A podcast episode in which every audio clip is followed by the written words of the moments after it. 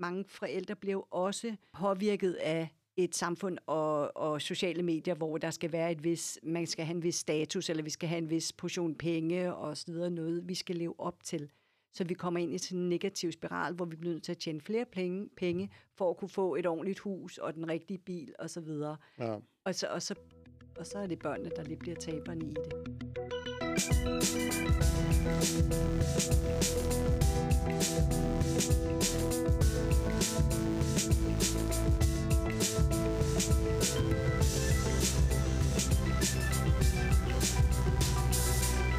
Pia, velkommen til. Tak skal du have.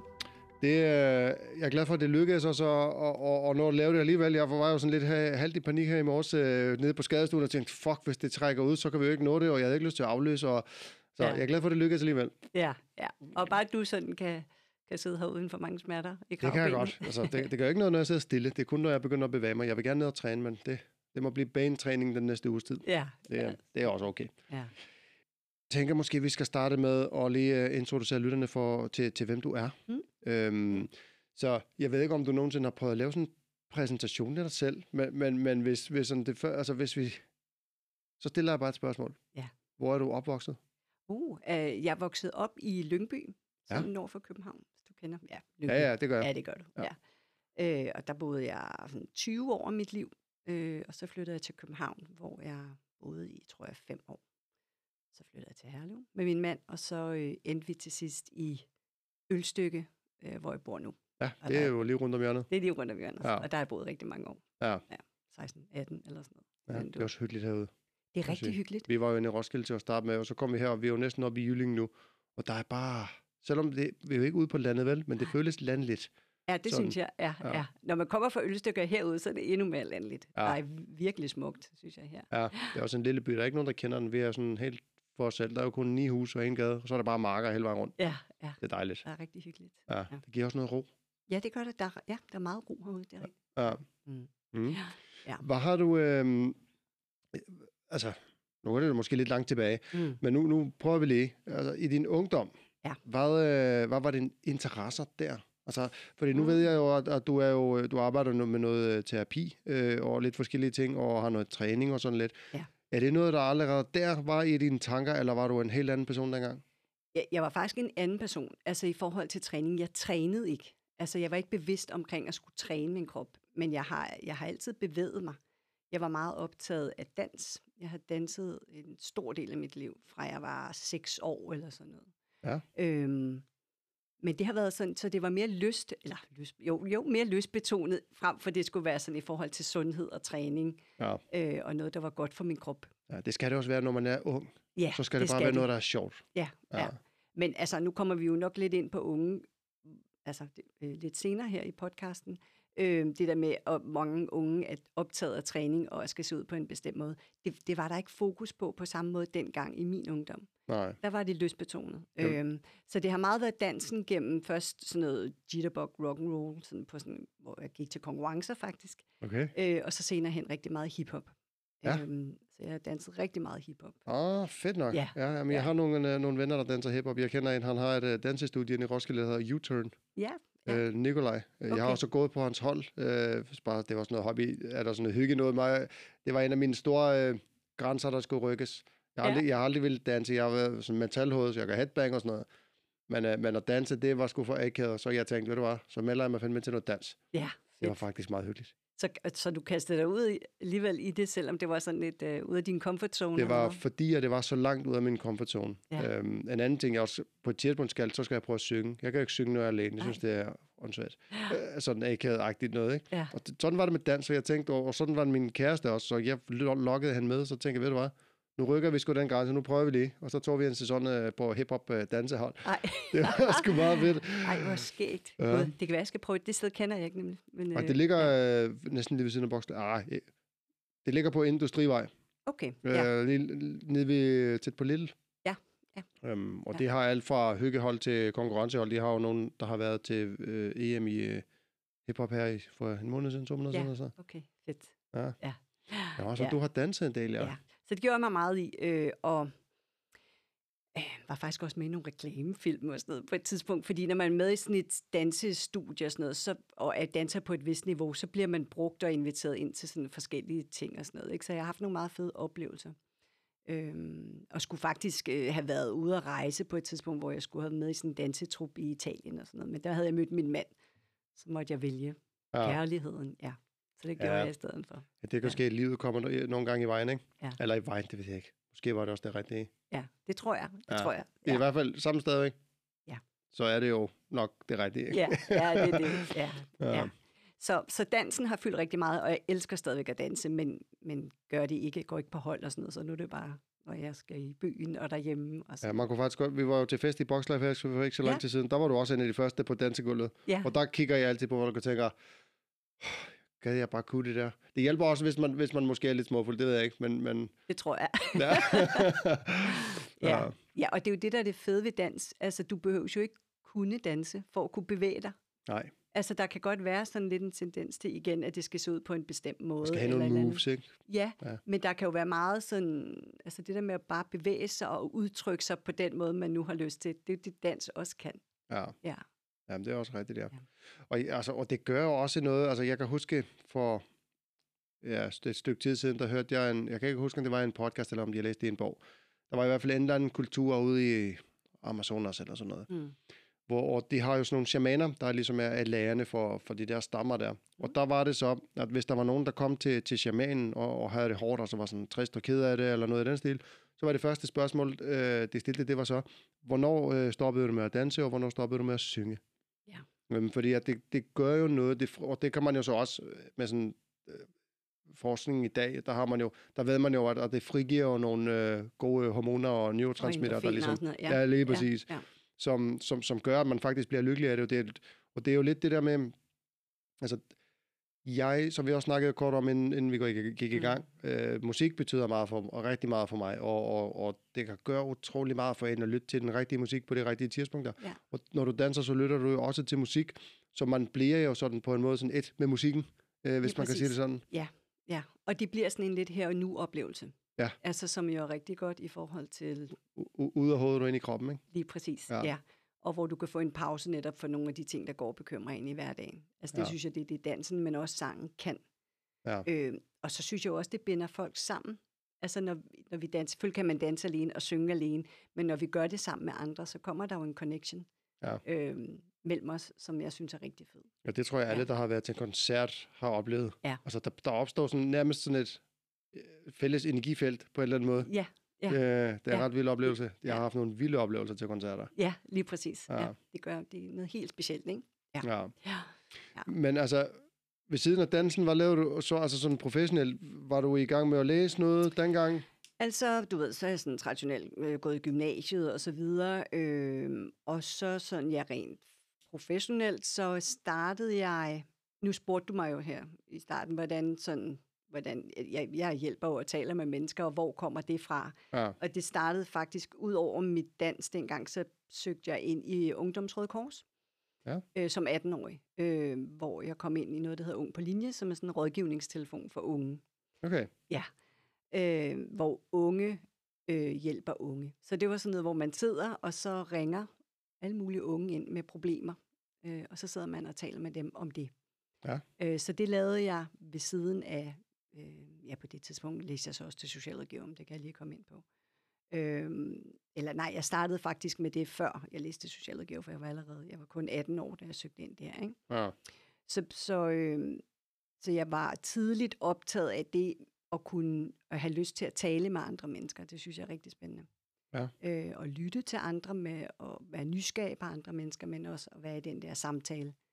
Øh, så det kom ret tidligt. Øh, ja, så Ja. Det, det er egentlig sjovt at tænke på, fordi det er lidt som om, at nogle mennesker, de bare er på en, på en sådan en unik måde gode til det der med at lytte til andre. Mm. Altså, jeg ved ikke, og nu, nu gætter jeg jo lidt, når jeg mm. stiller det her spørgsmål, men, men, men nu var til fester og sådan noget i gymnasiet, oplevede du så tit, at når folk var fulde, og så ville de rigtig gerne snakke med dig om noget, der de havde svært ved i livet eller sådan noget? Ja, ja, ja jo, jo, helt klart. Sådan, sådan har det altid været, også fra mine teenageår, at jeg altid havnet i sådan nogle samtaler. Ja. Så det er jo både noget, jeg nok selv har opsøgt, øh, og nok også har tiltrukket, tror jeg, Ja. mennesker, fordi at det, det er for mig, der giver mening. Altså det der med at kunne ende og have nogle dybe samtaler med andre mennesker, det synes jeg simpelthen er så givende. Ja. Øhm, at være i den der kontakt med folk. Ja. Og der er det jo klart, at jeg ved også nogle gange, sådan, i forhold til grænser, og, og, og stille, pas på med at stille alt for dybe spørgsmål og sådan noget. Ikke? Men, men jeg synes, jeg kan godt lide mennesker, øh, og jeg synes, det er så interessant, hvad folk de har med sig, og hvordan de mestrer livet og sådan noget. Det har jeg synes var spændende at tale om tidligt. Ja. Ja. Hvordan har du det så med small talk? Ja, jeg, jeg, og jeg er blevet bedre til det. Ja, men, øh, men, men jeg, jeg kan godt forestille mig, at, at når folk begynder sådan, Nå, hvad så, hvad sker der? Og så ja. Ja. går der et par minutter, og så lige pludselig er jeg ude i en eller anden øh, Ja, noget dybere snak. ja fordi Ja. ja. jeg kommer lidt til at kede mig, Ja. øh, hvis det bliver alt for overfladisk i alt for lang tid. Ja. Man bliver også nødt til at kunne small talk, fordi det, det kan være lidt Det er også en voldsomt. skill, ja. Det er nemlig en skill, og øh, så det der med at, at kunne det, men, men ja, der er nogle mennesker, hvor det der er for meget, hvor det næsten kun er small talk, Ja. og så kan jeg godt mærke, så falder jeg sådan lidt ud, så, øh, Ja. så skal der ske noget andet. Øh, ja. ja. Ja. Det er også bare på en eller anden måde sjovere, når, når, når det ikke bare er altså det, man i sådan typisk tale måske kalder at sparke dæk, hvis man snakker af en gruppe mænd. Ikke? Ja. Øhm, jeg har jo set, øh, jeg var med i øh, en Facebook-gruppe, der hedder Mandegruppen, Ja. øh, hvor der er, jeg ved ikke, der, jeg tror, der er 2.000 mænd eller sådan noget derinde. Og det er der, hvor man sådan, det er et rum uden kvinder, hvor man kan dele mandeting, man går og bokser med. ja. Øhm, og øh, det er Thomas Friis, der står for det. Han har noget, der hedder mandekursus. Ham kender jeg godt. Ja, Han er præcis. også øh, parterapeut. Og, Lige og sådan- præcis. Ja, jeg har haft ham på podcasten en gang. Øhm, Og hvad hedder det? Og der kan jeg se, fordi altså for det meste så læser jeg bare med og, og svarer lidt en gang imellem og sådan, Ja. hvis, hvis jeg har noget at byde ind med, men, men jeg er også sådan forholdsvis ung i forhold til mange af dem, så, så tit er det egentlig bare for, for at læse, og fordi man kan jo blive rigtig, rigtig meget klogere af at lytte til dem, der er lidt ældre end en selv.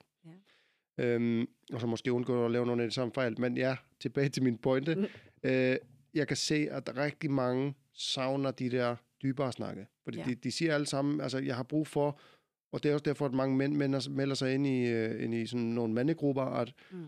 de mangler nogen at snakke med, hvor man snakker om noget andet end fodbold, og hvordan vejret er, og hvor man lige skal grille i weekenden. Ja. Hvor man ligesom kan begynde at snakke lidt om det her med, at Ja, jeg ved ikke, nu kan jeg ikke komme i tanker med en problematik, men, men nogle af de der fælles problematikker, vi alle sammen har, uanset om man vil indrømme det eller ej, så, så har man jo som regel nogle ting, man bokser med. Der er sgu Ja. ikke nogen, der har bare der har styr på det, hvis man kan sige det sådan. Nej, Det det, vi er så, så lyver de i hvert fald. Lige præcis. ja. Så, ja, og det er jo også det der med, det er jo der, hvor nogle, igen, connection eller fællesskaber kan opstå, når i mødet omkring noget, der, det der er svært, eller noget det i livet, som vi kan være fælles om. Ja. For det kan være et ensomt sted nogle gange at stå, hvis du har nogle, nogle ting, du bøvler med, og kan opleve, at alle andre bare har styr på deres, eller det er i hvert fald noget af det billede, man nogle gange kan få via for eksempel sociale medier. Ikke? Ja.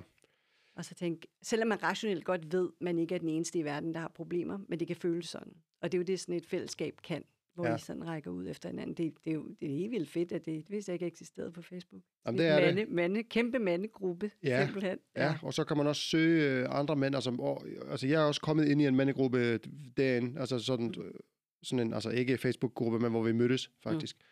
Mm. Øhm, og det var, altså jeg vil sige, det, det er givende at kunne sige tingene højt, også fordi at, som, netop som du siger, det der med, med sociale medier og sådan noget, jeg ved ikke, hvor mange gange man har hørt det der, at, at altså, folk tror jo, altså jeg, jeg kan komme med et eksempel, der var en, jeg arbejdede med her for ikke så lang tid siden, hun fortalte mig, at altså, hun øh, har jo en mand og nogle børn og, og, og alt det der, så fortæller hun, men så når hun kigger på sociale medier, så virker det bare til, at alle dem, hun kender, de har bare sådan et perfekt familieliv, fordi de ba- Mm. altså hele, gang, hele tiden en gang med noget, så bager de, eller så gør de et eller andet, og hun havde bare sådan en forestilling om, at alle andre familier, de var bare sådan helt perfekte. Ja. Ja.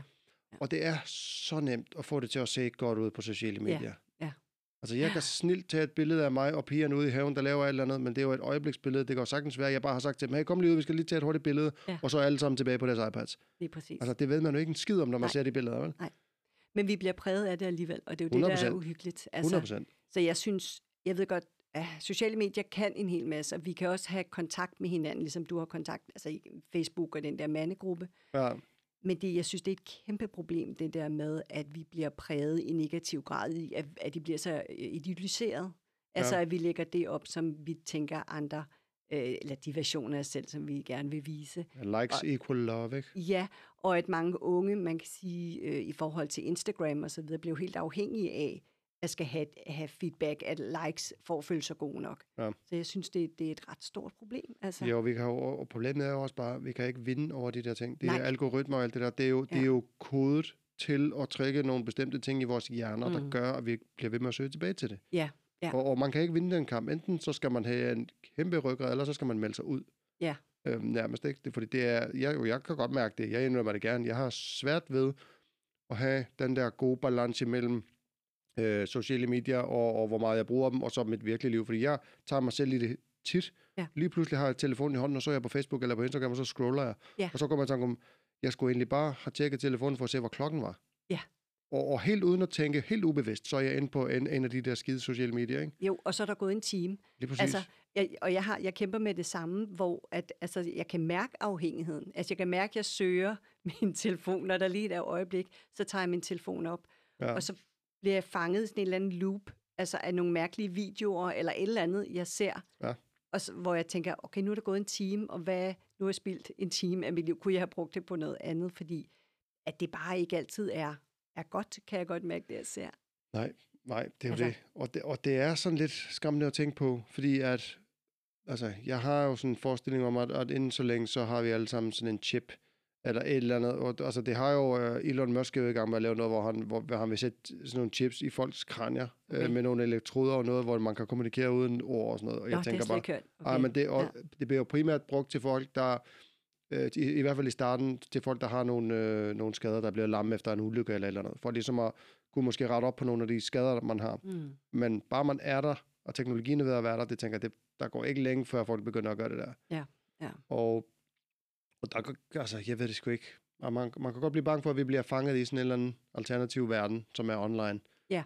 Øhm, fordi at man kan sige, det stresser os helt utrolig meget, selvom man ikke Mm. lægger mærke til det. Også noget med at ligge og scrolle telefonen, inden man, øh, lige inden man skal sove og sådan noget. Altså, det, det, det gør jo, det kan godt være, at man kan falde i søvn, men, Mm. det, men man har jo kunne se, at det, altså det, det gør kvaliteten af søvnen altså mindre. Altså, man sover Ja. værre. Ja. Øhm, Ja. Så den er sådan lidt... Ja, og mange, altså, øh, nu kommer vi måske ind på det der med børn og unge og familie og så videre. Altså det der med, forældre kæmper med at få deres unge til at sove til tiden. Altså, så Ja. skal de jo tage deres telefon eller iPads eller et eller andet, fordi de sidder fast Ja. på den skærm. Og så får de ikke den søvn, de har brug for. Og når de så sover, netop som du siger, så er de blevet påvirket af det blå lys, lige inden de skal sove. Ja. Så søvnkvaliteten bliver dårligere. Ikke? Ja. Så, ja, så det har, der er nogle fordele ved de sociale medier, men der er helt klart også nogle ulemper, som er svære, og vi, vi kan jo ikke komme ud af det. Det er sådan lidt et vilkår. Ja. Øh, ja. Ja. ja. Ja, og det er også, altså nu tænker jeg, altså i forhold til unge, og altså jeg har, man har jo hørt øh, i nyhederne og sådan mange gange, at der er jo også nogle, nogle spil, de spiller. Sådan Ja. noget, og det er også ikke sociale medier, men, men det er bare sådan nogle øh, telefonspil, hvor man så lige får en bonus eller et eller andet, hvis man er på, du ved, hver, lad os bare sige, hver 6. time eller sådan noget, så stiller det væk om, om natten for at vågne, bare lige for at logge på telefonen og lige få den der bonus, og så kan det sove igen, ikke? Ja. Og det er også bare så usundt. ja, så det er designet simpelthen til, at du hele tiden skal være, Ja. ja. altså du skal hele tiden være på eller logge ind og så videre. Lige præcis. Ja. Og det der, altså, det der egentlig sådan irriterer mig lidt, eller faktisk meget. Øh, I 0. klasse fik min datter en iPad af skolen. Ja. Jeg vil aldrig nogensinde have købt en iPad til, til hende, når hun var så ung. Nej. Øh, det var sådan den yngste af dem. Og hvad hedder det? øhm, Og vi får jo, altså, jeg er jo ikke, øh, hvad skal man sige, uddannet i, hvordan skal jeg øh, undervise børn i det her med øh, iPads og teknologi og alt mm. det her. Altså, jeg er jo bare en, en mand også, øh, kan man sige. Og jeg var jo heller ikke, altså, det er jo, det er jo efter, jeg blev voksen, at der kom smartphones. Ja. Øhm, I hvert fald i år. Ja, hvis man tæller i år, så var jeg voksen. Jeg ved ikke, om jeg rigtig var det med jeg var 20 år gammel, ikke? Men, Ja. øh, men hvad hedder det? øhm, og det man bare sådan øh, lidt, efter lidt, lidt til sig selv. Men find ud af det. Du må selv øh, finde ud af øh, det der med at begrænse din børns, børns skærmtid og alt det der. Ja. Og, og fordi at de skal jo bruge det i skolen, det får deres skole, og man må ikke have iPad'en liggende på skolen, den skal være med hjemme. Ikke? ja, Man er sat i sådan en umulig situation i forhold til det der. Ja.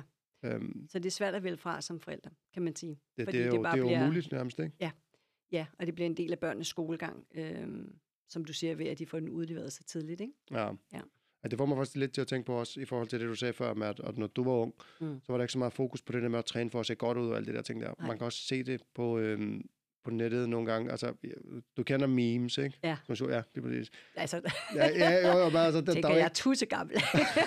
altså, der er jo ikke Ja. alle, der, alle der, der lige lever i den Nej, verden. er Der kan man sige, mine forældre gør det ikke.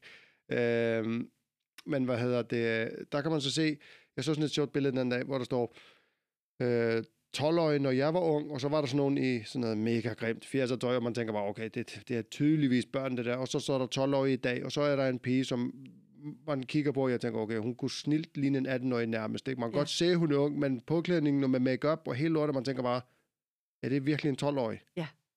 Øhm, Ja. Så der er også meget, der har ændret sig. Der er meget, der ændrer sig, og meget fokus også på krop i det hele taget. Ja, Altså, det, det kan jeg i hvert fald ikke huske. Selvfølgelig var der, som teenager var jeg jo også usikker, som der jo ligger i teenagealderen så videre, men der var ikke det fokus, og, jeg, og man blev jo ikke eksponeret på samme måde, som man gør i dag igennem de sociale medier. Altså det der fokus på, at kroppen skal se ud på en bestemt måde, så skal du have stramme baller og så videre. Ja. Det, husk, det var der jo ikke dengang, så var det jo højst i bladene eller sådan et eller andet, ikke? ja. Og der var heller ikke så meget Photoshop dengang, Nej. forestiller jeg mig. Nej, slet ikke. Så derfor, altså netop med, med sport, det var, det var mere lystbetonet, og, end, at, end at det var træning for at se ud på en bestemt måde. Ikke? Altså, øhm, ja. Ja. ja. Ja, vi, ja vi, wow, okay. Vi hopper lidt øh, rundt i det. kommer vidt omkring. Ja, ja, men hvad hedder det? Sådan lige tilbage til, til din historie, måske Mm. sådan lige for, for at runde lidt af med det. Øh, du, du læser så videre til socialrådgiver, siger du? Ja, altså jeg starter, ja, jeg kommer ind på socialrådgiverstudiet og er færdig, da jeg er 23. Øhm, og det er ikke fordi, altså hvorfor er det lige, jeg vælger den vej, det ved jeg faktisk ikke. Jeg tror oprindeligt også gerne, jeg vil læse psykologi. Så tror jeg ikke lige, jeg havde snittet, og så tænkte jeg, jeg skulle bare hurtigt i gang med en uddannelse. Det var jeg Ja. faktisk lidt presset af dengang. Så læser jeg til socialrådgiver. Øhm, og er færdig, da jeg er 23. Øh, og øhm, kommer ud og begynder at arbejde Ja, jeg har været forskellige steder. Øh, jeg har blandt andet arbejdet inden for misbrugsverdenen og arbejdet i redden i en periode, også med gadeprostituerede. Ja. Øh, og behandling af stofmisbrugere også. Så det var sådan lidt en afstikker. Det er jo slet ikke noget af det, jeg laver i dag, men, men jeg synes, det var fedt at prøve mig selv lidt af i nogle forskellige miljøer. Ja. Og nu kommer jeg fra Lyngby i sådan lidt en beskyttet tilværelse, så det var, det var, det var interessant for mig lidt at komme ud og se noget andet, end det, jeg er vokset op med. Øh, og så tænkte jeg, okay, jeg skal vælge noget af det hårdeste. Det var så gaden Ja. på, øh, eller hvad hedder det nu, øh, øh, redden hedder det, på, på Vesterbro med gadeprostitueret. Ikke? Så der, der arbejdede jeg, startede faktisk som frivillig, og så var jeg vikar der også i en periode, ikke? Okay. i nogle år. Ja. Ja. Øh, men ellers som socialrådgiver, så har jeg primært efterfølgende arbejdet inden for børnefamilieområdet, øh, sådan med øh, familieafsnit og anbringelser af børn, inden jeg så øh, læste psykoterapeut. Ja. Øhm, og det gjorde jeg for en 10-11 år siden eller sådan noget. Ikke? Der blev jeg færdig som psykoterapeut, en fireårig uddannelse. Okay, og du har været tidlig på den så alligevel sådan i forhold Ja. til... Øh, Ja, jeg har været tidlig i gang. ja, Yes. ja. Ja. Og er du så... Altså, du, så du, du, har- du har din egen klinik nu, ikke? Nej, altså jeg er faktisk primært ansat. Jeg er ansat som øh, familieterapeut, fordi der har jeg, der har jeg også taget noget uddannelse øh, Ja. som familieterapeut. Øhm, så jeg er ansat, altså i alle større byer, der er der jo familiehuse, kalder man ja. dem. Det er der jo også her i Roskilde. Yes. Øhm, hvor er der er ansat ja, sådan nogle personer som mig, så der er jeg i et familiehus i Albertslund. Okay.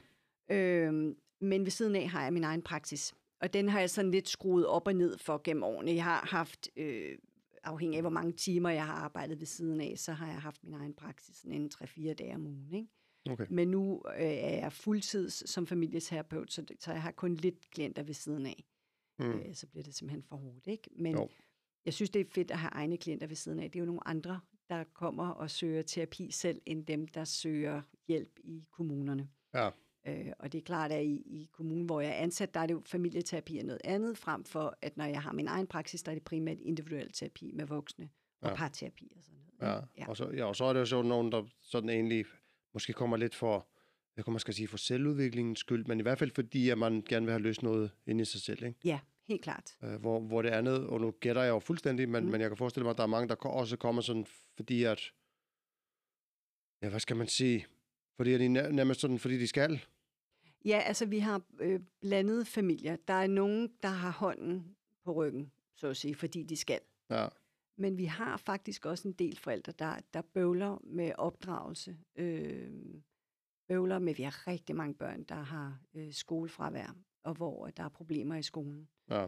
Øh, og der er det forældrene selv, der søger hjælp. Øh, i, Ja. i, I langt de fleste kommuner, der er noget, der hedder åben rådgivning, hvor man faktisk kan komme fra gaden og søge hjælp som forælder.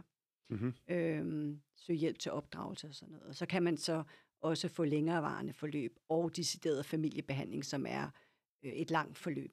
Ja. Øh, og der skal man ind over øh, kommunen og sagsbehandler og sådan noget. Ikke? ja. Men, men heldigvis største del af dem, jeg har med at gøre, vil gerne have hjælp. Okay. Det er rigtig svært at hjælpe nogen, der i bund og grund bliver tvunget til det. Det er svært at ja, det- skabe det- forandring hos nogen, der ikke vil i bund og grund. Ikke? Ja, det kan man jo Ja. ikke rigtigt. Altså, jeg, jeg har hørt øh, det sagt på den måde engang, at, at en livredder skal redde ind fra druknedøden. Så svømmer du ud til personen. Ja. Det viser sig, at personen bliver sådan helt panisk og begynder at slå og sparke efter dig og alt muligt. Og så på et tidspunkt, så er man nødt til at træffe et valg. Ja. Vil jeg lade den her person drukne, eller vil jeg drukne sammen med den her person? Det er præcis. Øhm, og det er sådan lidt sammenligningen i forhold til at, at hjælpe folk, der ikke vil have hjælp. Ja. Man kan jo fuldstændig køre sig selv ned Ja. øh, ved at prøve at hjælpe folk, der ikke vil have din hjælp, fordi at, altså, det, det stresser, og det stresser, og det stresser, og så lige pludselig, så kan man ikke holde til det mere. Det er, præcis. det er et meget godt billede på Ja. det. Øhm, men det er fordi, nogle gange kan der være så alvorlige sager, hvor, at der, er- hvor kommunen vurderer, at der skal være nogen indover til at have, have øje på børnene på en eller anden måde. Ja, og det er jo børnene selvfølgelig, man, man ligesom, øh, der er det primært der. Ja, Øh, ja, helt klart. Men hvad hedder det? En ting, du siger, at folk bøvler med opdragelse. Jeg, altså, jeg kan så meget genkende øhm, det. Altså ikke fordi, at, at, vi, at jeg nødvendigvis har været i, i den situation, at jeg har været nødt til at sø- søge hjælp i forhold til at opdrage mine børn, Mm. men, men der kommer jo ikke nogen manuel med. Nej. Så det er jo ikke fordi, at det er nemt, selvom det, der ikke måske nødvendigvis er en krise i familien, Mm. så er det jo det her med, at, at du... Altså, jeg fik jo et barn stukket i hånden, når jeg var 21. Øh, Gud, Gud ved, hvordan det skete, ikke? Men hvad hedder det? Og, og på ingen måde voksen. Nej. Altså, mu- og musikere spille musik, gå fest hver weekend og sådan noget. Det, det hele handlede om at, at være på druk og spille øh, koncerter. Og Ja. det var sådan set det, min... Og så arbejde lidt for at have råd til at købe trommer og sådan noget, ikke? Ja. Og så får man et barn, og så er det sådan lidt, jamen værsgo, nu er du voksen. Nu skal du finde ud af det. Ja. Og hold kæft, hvor er det hårdt. Det er Det- benhårdt. Det er det. Altså, ja. Og specielt det, hvor man ikke rigtig er voksen selv. Ja. Øh, at, at så skulle tage et ansvar for, for et andet sådan lille menneske, altså, det er bare ikke nemt. Og jeg tænker også, at, at hvis, hvis man så er i den uheldige situation, at man ikke, måske ikke har et godt bagland, eller man ikke sådan har ressourcerne til at få noget, få noget opbakning af, af sine forældre, eller hvem det nu kan være til det her, så kan det eddermame blive noget øh, råd. Det kan det. Plus, at det at blive forældre jo kan aktivere øh, nogle ting selv, hvad man har med sig gennem sin egen opvækst. Ja, Så, så, øh, så man kan sige, pludselig kan man måske høre sig selv, øh, hvad ens far sagde igennem barndommen, at man begynder at råbe eller et eller andet. Altså det trigger nogle ting, som, som man selv har med sig gennem ja opvæksten. det er, når man har, ja, lige præcis sådan nogle ting, man har indlært ubevidst. ja, Fordi ja. ja. man har ikke øh, stået i situationen endnu, så står du lige pludselig i det. Hvis man, hvis man lige pludselig, altså netop tager eksemplet med en far, der råber. Mm. Hvis du altid bliver råbt af igennem hele din barndom, så er det jo sådan, du ubevidst tror, det skal foregå. så, så er det sådan, du har lært at løse konflikter. Og konflikter, jo selvfølgelig når barnet bliver ældre, det, det er jo en central del af familielivet. Alle har jo konflikter, og det er også vigtigt at have konflikter derhjemme, men det er jo især, hvordan vi vælger at løse konflikterne med vores børn, der er rigtig vigtigt. Ja. Og hvis vi aldrig selv har lært det igennem vores opvækst, jamen, hvordan skulle man så øh, kunne gøre det anderledes? Det er der i hvert fald rigtig mange, der bøvler med. Ja, Så konflikter fylder meget i, i mit arbejde, altså mellem børn og forældre, og også mellem par, skulle lige hilse at sige. Det er jo også virkelig øh, et problem, øh, når par ikke, altså forældrepar, øh, ikke kan finde ud af, hvordan de skal, altså ikke er enige omkring børneopdragelse, eller der er knaster i parforholdet og så videre. Ikke? Det fylder også rigtig meget. ja. Ja. ja. Og det tænker jeg også, at de fleste, der har børn, kan, kan altså, jeg, jeg vil næsten, næsten våge at sige, at alle kender det. Mm. At lige pludselig, når man har fået børn, og hverdagen ligesom begynder at køre sin gang, og alt det her, og specielt hvis man har måske to børn eller tre børn, Ja. så bliver det jo tit, det her forhold, i hvert fald i en periode, så bliver det et makkerskab.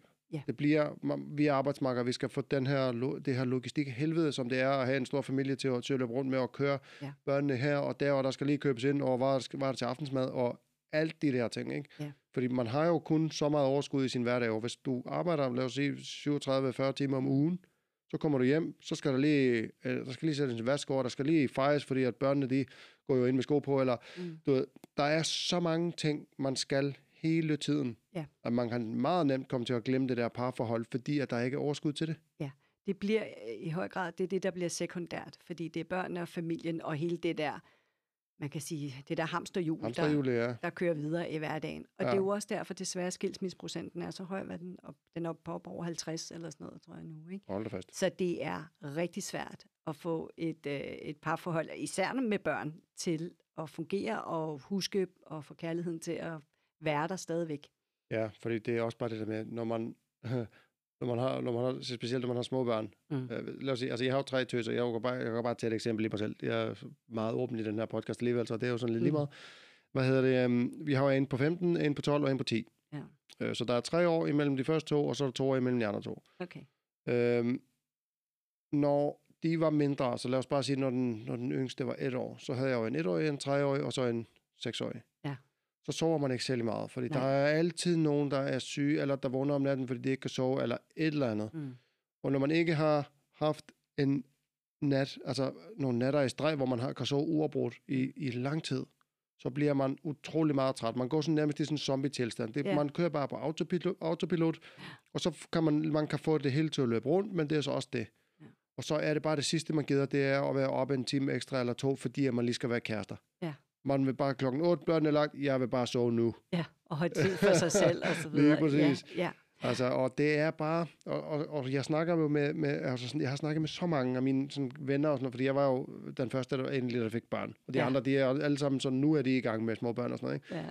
Og man kan bare høre, de går igennem 100% de samme ting, som vi gik igennem. Ja. Fordi at der bare ikke er overskud til, til det hele, og så er man nødt til at skære noget fra. Mm. Og man kan ikke skære børnene fra, fordi man skal jo passe på deres behov og så videre. Ikke? ja. I hvert fald, hvis man er en, en sådan, skal passe på, hvordan jeg formulerer det, hvis man er en ordentlig person, Ja. så passer man på, at sine børn de har det godt, og så er der, skal man bruge i hvert fald en del af sit overskud på børnene. Ja. Fordi der er mange ting, når de er små, der, der skal være på plads i forhold til tilknytning og, og alt muligt. Ja. Øhm, og så er det nemmeste, ikke nødvendigvis det rigtige, men det nemmeste, det er nok at sige, hvad det var, det her, altså, nu, nu sylter jeg lige min, min, min kæreste, fordi at det er det, der er sådan der, der ligger, øh, hvad skal man sige, ja, det er nok det, det nemmeste at, at hente noget overskud. Det er ved at lige sætte det på pause. ja, og jeg tror, det sker jo begge veje, at man begge to er, er drænet for energi og ikke orker Jamen 100 det procent. der Altså, parforholdsting. Ikke? Og jeg kan da også godt huske, at jeg blev mor som 25-årig faktisk, øh, øh, og fik børn sådan lige med to års mellemrum eller et eller andet. Så, så det der med også at have børn kravlende på sig hele tiden, altså at have nogen hængende eller nogens behov, så til sidst, altså jeg havde jo ikke lyst til, at min mand så også skulle være i fysisk kontakt med mig. Ikke? Nej. Altså jeg havde bare, åh, kan jeg lige få lidt fred og ro og gå lige lidt væk fra mig nu, ikke? ja. Altså, så det tror jeg, det, det er meget almindeligt. Øhm, men det er også meget risikabelt, fordi det er det, der gør, at man så kan altså pludselig kommer til at glemme hinanden. Eller pludselig, når man er kommet lidt om på den anden side, tænker Gud, øh, hvor var det lige, elsker vi hinanden stadigvæk, eller er der noget, vi kan tale om har, stadigvæk? jeg og har vi noget fælles, ja. Har vi noget fælles, Altså, ikke? vi har været der, hvor vi fik et hotelophold sammen, og så tænkte vi, nu, nu gør vi det, og så tog vi derhen sådan en weekend, og vi Mm. har også bare sådan begge to, vi har intet at snakke om udover familieliv. Nej. Fordi at man ikke laver andet. Ja. Øh, Ja. Og hvis man laver andet, så er det som regel hver for sig, fordi at man har brug for sit altså, my, me-time også. Ja. Øhm, så, så det er sådan, og, altså, jeg vil sige, det hjælper så på, når børnene bliver større. Man, altså, jeg bliver ved med at sige til mine venner, bare, altså, bare hæng på Ja. ja. den periode. Når Ja. børnene bliver lidt større, så kommer der lidt overskud, så kan man, så, så kan det faktisk ret, blive rigtig godt igen. Vi har været Ja. ja. sammen i 16 år nu. Ja, det er jo også det er jo lang tid. Ja. Ja. ja. Øhm, Men det kræver noget arbejde. det, har, det har det nemlig bestemt gjort. Ja, så, jeg- så det der med, at man tænker, "Nå, men nu er børnene store, nu er den der bare. Så er det, man skal tage arbejde netop for at finde ud af, okay, fordi I var jo ikke de samme, altså, På ingen måde. I er ikke de samme nu, som da I fik børn, eller lige der i, Nej, i starten, da I var På i 20'erne. ingen måde. Der Nej. er, altså, der er vanvittigt meget forskel. Ja, og der er der jo nogen, der kommer til at udvikle sig i hver sin retning. Ja. Så man skal virkelig til at finde ud af, okay, hvad har vi til fælles nu? Ja, så Øh. skabe nye fælles interesser. Ikke? Ja. Vi begyndte jo til CrossFit. Ja, Og, og min Ja. kone har aldrig trænet sådan rigtig vel. Øh, og hun har selvfølgelig prøvet noget fitness og sådan noget, ligesom alle har, men aldrig været grebet af træning. Nej. Og hun er så bare blevet forelsket i CrossFit. Ja. Og så nu har vi lige pludselig rigtig meget at snakke om. Ja. Øh, fordi jeg har jo trænet i mange år, og hun har ikke rigtig givet høre på mig, fordi hun ikke kunne forstå alt det der med træning og muskler og sådan noget. Ja, det var noget kedeligt noget, ikke? Ja. Men lige pludselig nu, så er det bare, vi kan jo snakke hele dagen lang. Ja. Det, Og det er det, CrossFit kan, ikke? Hvis Ja. man bliver bidt af det, så... Øh, Ja. ja. eller ja, det er enten eller nogle gange. Folk, jeg kender folk, der har startet til CrossFit, og nogle de hader det bare, fordi det er mega hårdt. Og så er der dem, Ja. der bare kommer til at elske det, og så hænger man fast i det i Ja. mange år. Det er der mange, der gør. Ja. Ja. Hvad træner hun på hold, eller hvordan? Ja, hun, hun er kun på hold. Hun er, Okay. øh, altså, hun, altså, hun, som sagt, hun, trænede, hun startede jo maj sidste år. Ja.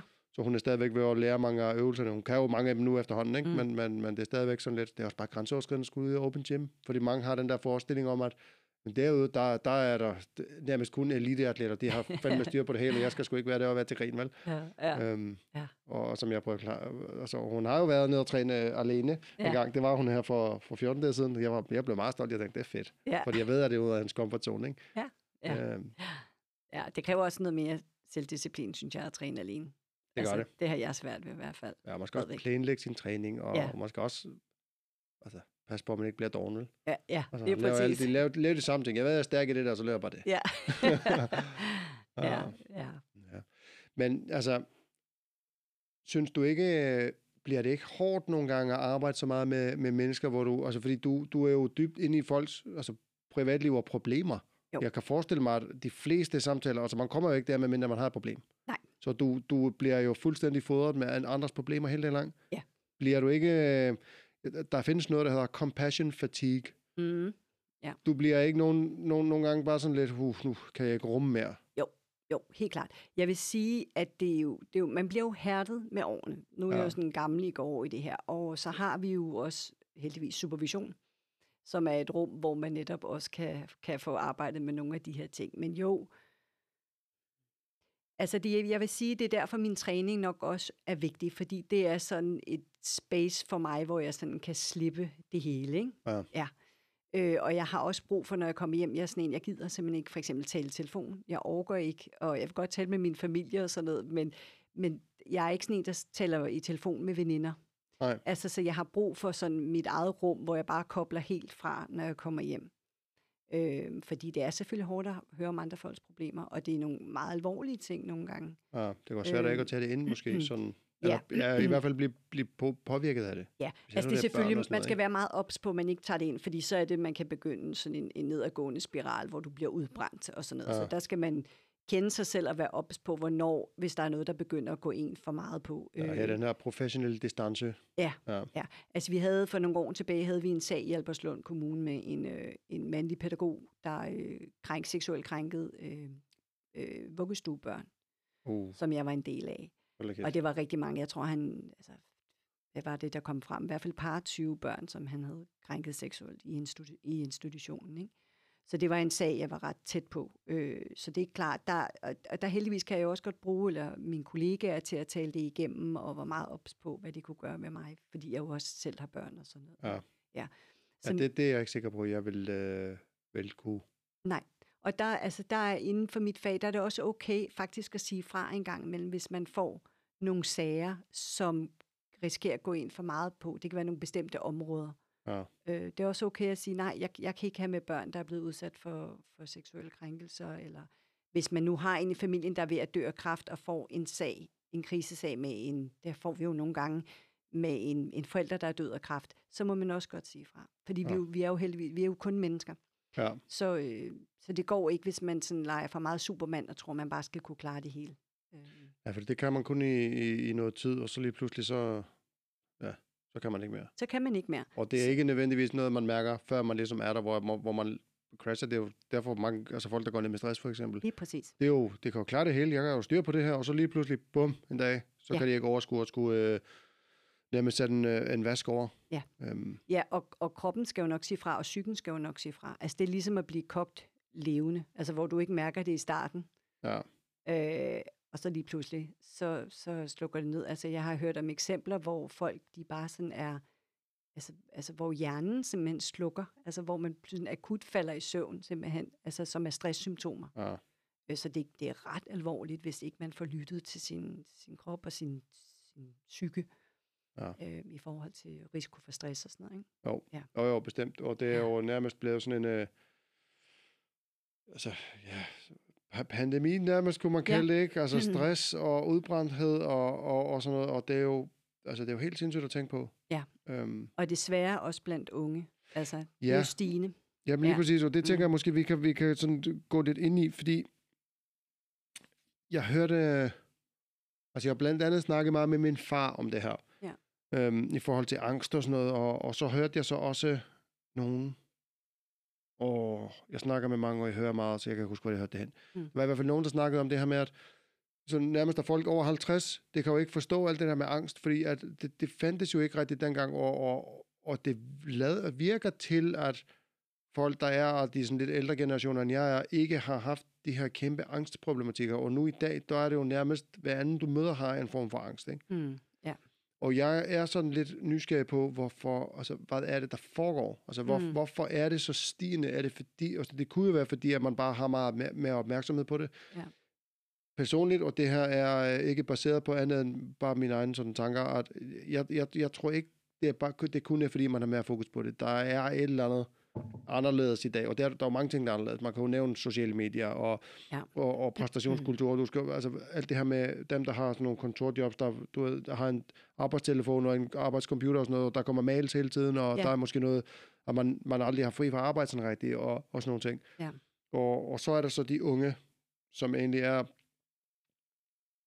ret skræmmende at tænke på, hvor, hvor mange unge, der ikke trives i skolen, og har ondt i maven, og Helt alle de her ting, ikke?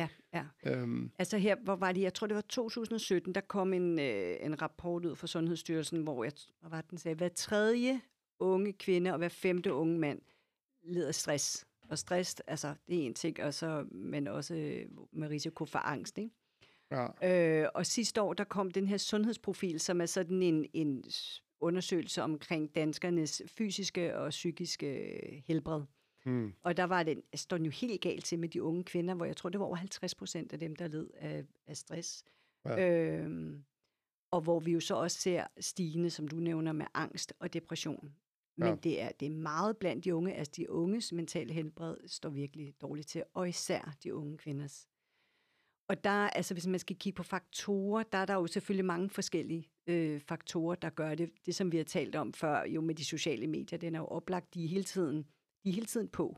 ja, Øh, altså, jeg oplever unge, der bliver simpelthen netop næsten kan få et angstanfald, hvis ikke de har deres telefon. Altså, det er sådan en forlængelse af deres hånd. Ja. Og det er ikke kun, fordi de godt kan lide, at, at de skal ind og se TikTok og snappe, men det er for at være på hele tiden. Ja, FOMO, altså, Ja, Fear of Missing Out. lige ja. præcis, at de, øhm, altså, de er bange for at gå glip af noget, men også ikke, at man skal hurtigt svare tilbage til vennegruppen, fordi der er risiko for at blive ekskluderet, hvis nu du ikke er en del af det der fællesskab. Ja. Så det stresser jo helt vildt. Så det er den ene ting. Øhm, og så hele den her præstationskultur, som jeg synes jo øh, er blevet værre og værre. Altså fra da vi var unge, nu tror jeg, jeg ved ikke, hvor gammel er du egentlig? 36. 36, ja, så jeg er sådan lige 10 år ældre end dig.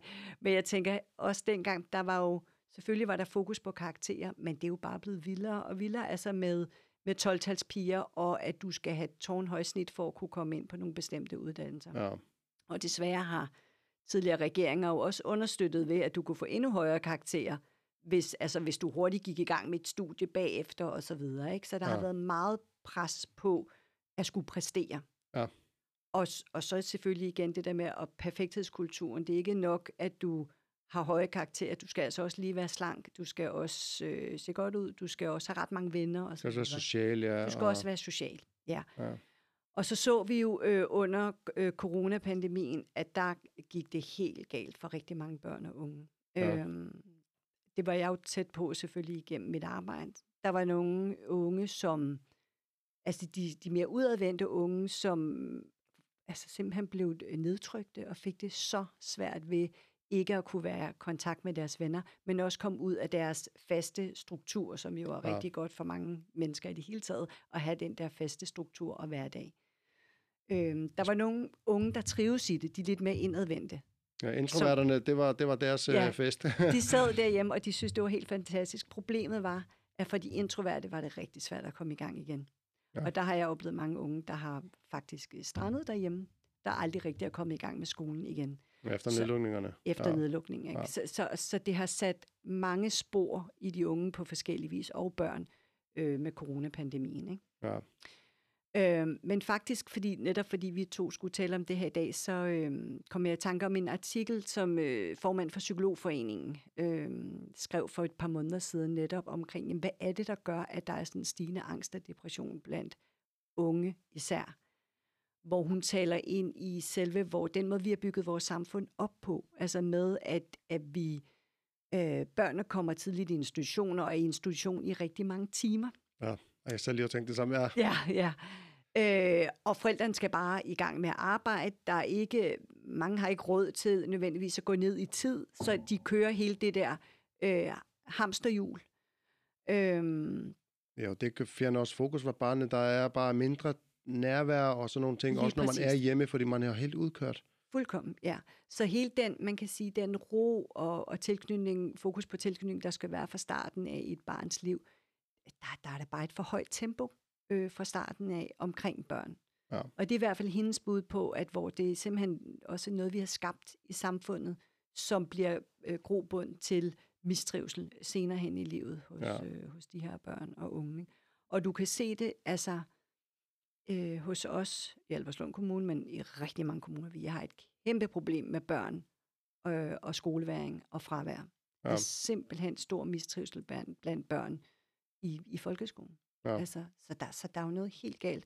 Og det er jo også, tænker jeg, fordi at nu har vi jo hele den her inklusionspædagogik, øh, hvor at børn med udfordringer skulle rummes i folkeskolen. Ja, Og det har presset lærerne helt vildt meget. ja. Altså, Og- jeg, jeg synes ikke, det er en god idé. Nej, det synes jeg, jeg har, kan, Ikke for, endnu ikke. altså, ikke for nogen af dem. Altså, Nej. det, det er dårligt for dem, der ikke har problemer, og det er også dårligt for dem, der har problemer. Lige præcis, ja. Og jeg tænker, det er også en af grundene til det, at, at der er, der bliver jo ikke taget hånd om nogle af dem på den måde. Og lærerne flygter, fordi de kan ikke, øh, de kan simpelthen ikke hjælpe Det er jo ikke psykologer, vel? Altså, det, det, det er sådan, Nej. at du er folkeskolelærer, og så skal lige pludselig skal du kunne rumme en klasse, hvor der måske er 5-6 børn, med, der har deciderede diagnoser, Ja. som folk uddannes i at håndtere. Ja. Men folkeskolelærer er sgu ikke uddannet i det.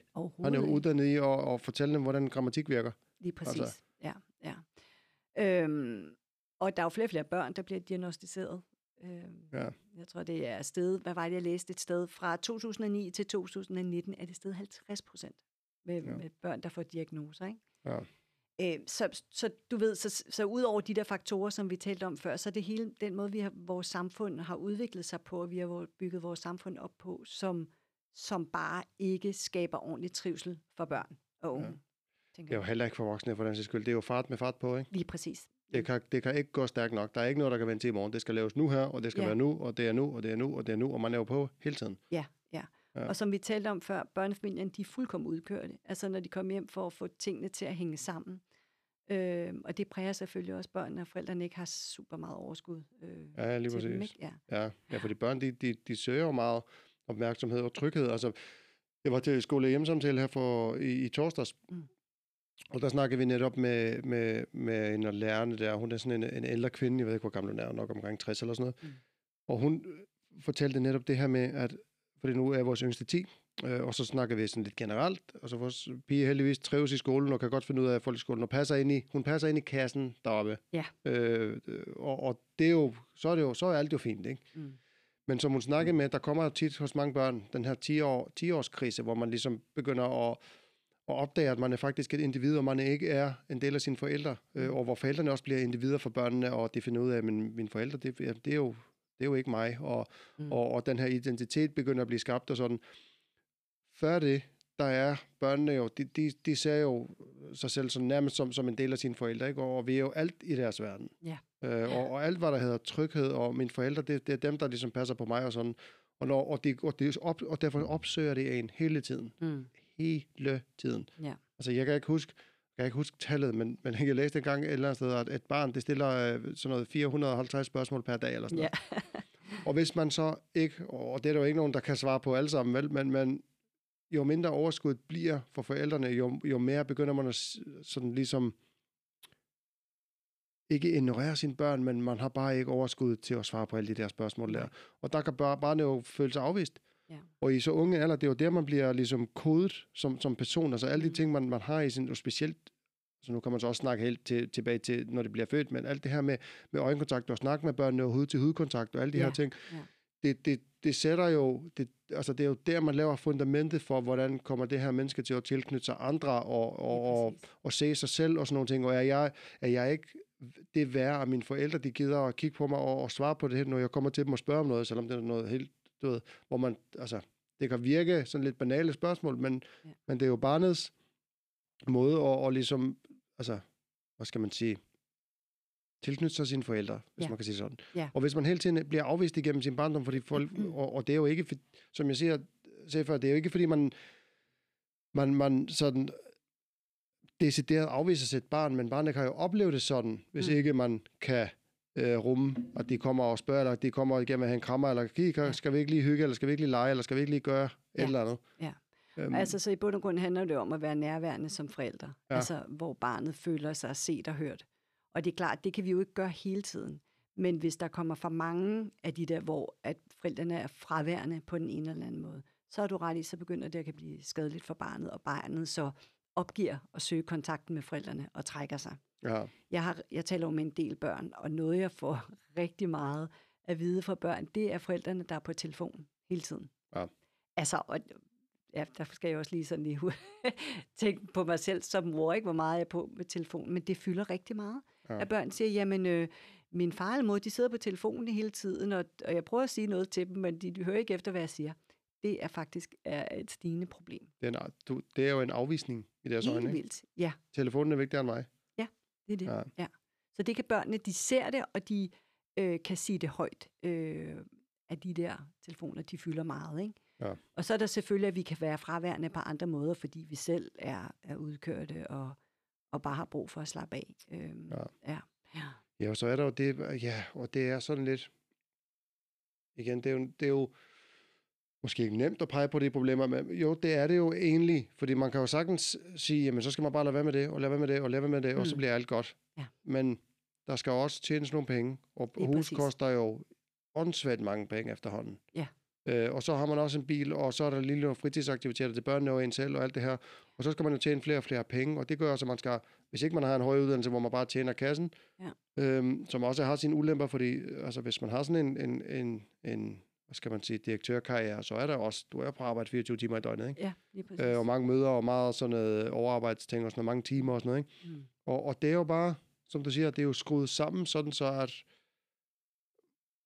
der er, det er meget nemt at blive udbrændt, sådan så man ikke har overskud til familien og alle ja. de andre ting. Ja. Øhm, som jeg bliver ved med at sige til folk, og det lærte jeg selv på den hårde måde, hvis ikke jeg er glad og trives, så kan jeg heller ikke gøre mine børn eller min familie glad. Nej. Det kan man ikke. Nej. Man skal virkelig kunne være i sig selv og, og, og, og, og vide, hvordan man skal lade sine batterier op, hvis ja. man så skal kunne give noget videre til andre. Ja. Øhm, og det er svært. Ja. Øhm, men, men det kan lade sig gøre. Man skal bare... Man skal bare... det skal man ikke. Man skal, man skal finde noget, hvor man ligesom ja, kan genoplade sine batterier. Ja, og det, det, er rigtig, det er rigtig fedt, du siger det. Nu sidder vi jo i det her fantastiske lokale. Nu nævnte du sådan noget med meditation og sådan noget før, ikke? Fordi det er rigtigt, for at kunne være en god forældre, så skal man have stå et godt sted. Ja. Altså man skal også lade sine batterier op. Man skal vide, hvad, hvad er godt for mig, og hvad er ikke godt for mig. Øh, for at kunne være nærværende og have et vis overskud i kontakten med sit barn. Ikke? Ja. Så det er super vigtigt, øh, men det er, jo, det er jo lidt der sagt end gjort for rigtig mange, fordi jeg tror også, mange forældre blev også, øh, man kan sige, påvirket af et samfund og, og sociale medier, hvor der skal være et vis, man skal have en vis status, eller vi skal have en vis portion penge og så videre, noget vi skal leve op til. Så vi kommer ind i sådan en negativ spiral, hvor vi bliver nødt til at tjene flere penge, penge for at kunne få et ordentligt hus og den rigtige bil og så videre. Ja. Og, så, og så og så er det børnene, der lidt bliver taberne i det. Ja. Fordi vi kommer til at skal arbejde for meget. Jeg tror faktisk, det er i Sverige, hvor de, man har ret til at være på deltid eller sådan noget, i, hvis man har små børn i en periode. Ja. Så der går staten simpelthen ind og støtter, øh, at, at familien kan sætte tempoet lidt ned i en periode i, i de sårbarste år i hvert fald af børnenes liv, som jo er de første tre år. Ikke? Ja. Øhm, det kan være, at det er sådan noget, vi skulle til at gøre herhjemme i hvert fald. Der, jeg tænker i hvert fald, der, der skal ske noget, fordi det, det er, der er noget helt galt, altså i forhold til, til de tal, der kommer ud omkring mistrivsel. Ja, ja, for det stiger og stiger og stiger, og det stiger også hos voksne, kan man sige. Ja, det gør det også. Øhm, ja. ja. Ja. Jamen, det er jo vildt nok at tænke på. Og det ja. er jo igen med at finde, hvad der virker for en. Altså, jeg, jeg har jo været skift branche fuldstændig. Mm. Øh, jeg har været håndværker og, og så været skift til socioassistent nu, og så muligvis læse videre. Måske skal jeg bare arbejde med det egentlig. Jeg har fundet ud af, at der, socio er faktisk noget helt andet, end jeg egentlig troede, det var. Ja. Det er også det, jeg troede, det var, men det er også rigtig meget andet. Ja. Øhm, og, og jeg skal i praktik i psykiatrien nu her næste gang på i socialpsykiatrien, Okay, hvor jeg spændende. skal arbejde med, med, med folk, der har ja, udfordringer øh, psykisk. Ja. Og det glæder jeg mig faktisk meget til, men, men jeg kan også mærke, at, at nu mens jeg er under uddannelse, Mm. jo, vi er lidt presset på økonomien, fordi at jeg får, jeg får voksenelevløn, men det er jo ikke i nærheden af, hvad det er at tjene som håndværker. Nej. Øhm, vi kan heldigvis godt få det til at løbe rundt, fordi vi har jo planlagt vores økonomi sådan, og jeg kan bare mærke, at det her med, specielt i skoleperioderne, Mm. nu er jeg på skole, der har jeg jo, er jeg jo på 32 timer om ugen på skolen. Øhm, og med masser af pauser i løbet af dagen, og, og fordi at man er voksen, og det er jo ikke en, en høj videregående uddannelse, så er det jo ikke, i hvert fald ikke for mig, det er ikke en særlig svær uddannelse sådan fagligt. Nej. Øhm, det er ikke sådan meget tungt stof, fordi meget af det kendte jeg i forvejen heldigvis. Alt med kroppen og sådan noget, det vidste jeg, det, meget af det kendte jeg i hvert fald. Ja. Øhm, og, og jeg kan bare mærke, at der er så meget mere overskud. Fordi at der er ikke noget stress i, at der er ikke noget, jeg skal nå. Jeg skal bare lave mine opgaver, det når jeg er i skolen. Ja. Og så, øh, når jeg kommer hjem, så er jeg, jeg er jo ikke fysisk træt. Jeg kan godt være lidt træt i hovedet nogle gange, Mm. men ikke i nærheden af, som det var, når jeg var på arbejde. Nej. Øhm, og, og, og, og, så, og så var der så også den der lockdown. Altså, det var faktisk rigtig godt for min familie. Ja, det kan Fordi- jeg godt genkende. Ja, så vi var alle sammen hjemme lige pludselig, og vi var sådan lidt... Jeg kan huske, min kone hun sagde til mig, at vi var sådan en måned inde i lockdown eller sådan noget. Der sagde hun, kiggede hun på mig, når vi spiste morgenmad, så sagde hun, jeg troede egentlig, det ville være mere irriterende at være så meget sammen med dig, men det er faktisk ret hyggeligt. Ja. ja. og, og jeg var sådan lidt, jamen jeg havde faktisk tænkt det samme. Jeg tænkte, det bliver vanvittigt hårdt det her, men vi havde jo lige pludselig tid til at gå ud og, og, og cykle med børnene og lave alle de der ting, ja. man ikke havde overskud til i hverdagen. Ja. Ja. Øhm, Og det er faktisk sjovt, du siger det, fordi at det, det tror jeg, mange familier har oplevet. Ja. Det der med, i hvert fald dem, hvor de ikke var økonomisk troede. Der er jo nogen, der var risiko for at blive fyret og sådan noget. De har nok været mere presset, ikke? Ja. Men hvis man var sådan rimelig økonomisk sikker, så det oplevede jeg også, det var helt fantastisk. Ja. Altså, mine børn kunne godt være i det, og vi fik bare en ro, vi aldrig har oplevet før. Altså, og, Ja. kunne, og mig og min mand, vi heldigvis kunne tale sammen, og ikke irritere hinanden for meget.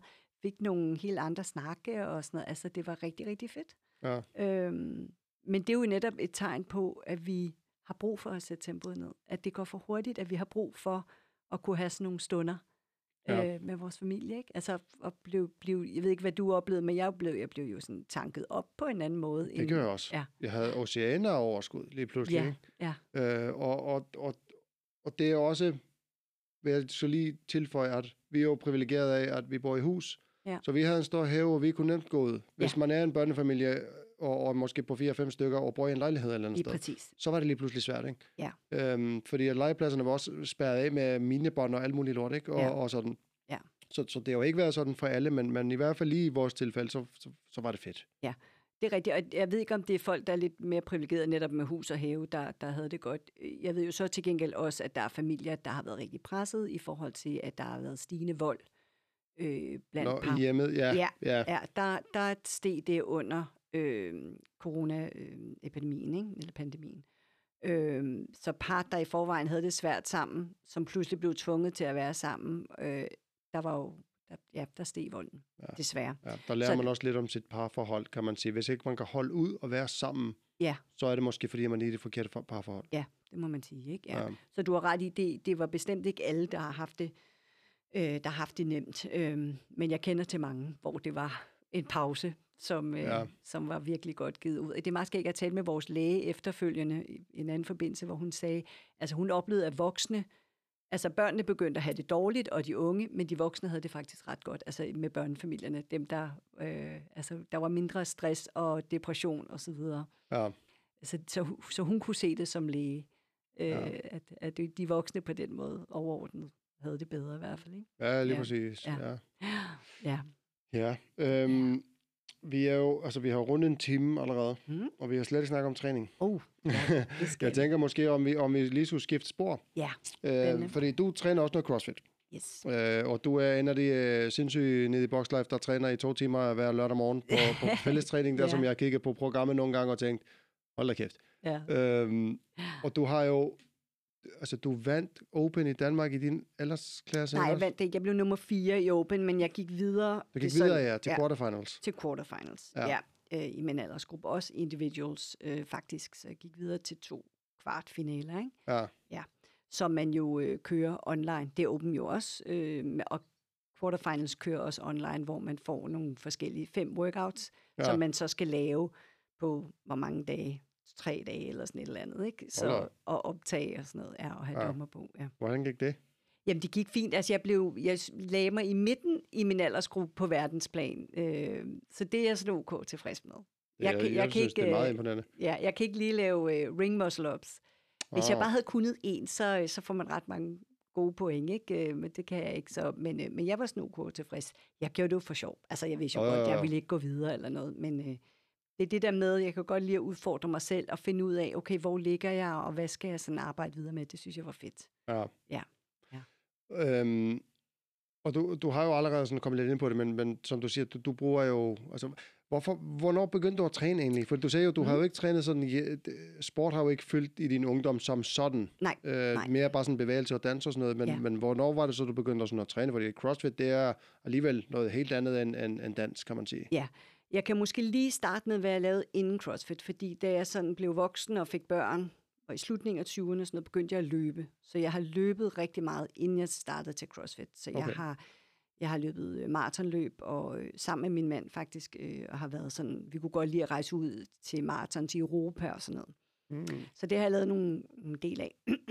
øhm, og så øh, sådan helt, det var i 2012, øh, hvor min mand en dag kom og sagde, at der er det der, der er noget, der hedder CrossFit, som han havde fundet i en eller anden øh, sådan noget artikel, hvor man kunne prøve at være med i tre måneder inde i København. Der var det CrossFit Copenhagen dengang. Mm. Øhm, som jeg jo aldrig havde hørt om før, det, men det lød fedt. Lød fedt. Øhm, så der startede jeg inden faktisk i januar 12 øh, i CrossFit Copenhagen, hvis du kender det, der hedder Trykkeriet. Øhm, det ligger i ikke. Vest. Ja, ja, det kan Ja. jeg ikke. Og jeg var jo helt... Jeg var lidt arrogant, kan jeg huske, da jeg startede til CrossFit, hvor jeg tænkte, jeg har løbet maratonløb. Hvor svært kan det være? Jeg synes selv, jeg var i Mm. rimelig god form. Og så kan jeg bare huske, at vi skulle lave burpees. Og så tænkte jeg, hvad fanden er det? Altså, hvor pulsen bare fløj op, og, og det var bare mega hårdt, men jeg synes, det var mega fedt. Altså, Ja. så der, jeg var ret tændt fra starten af.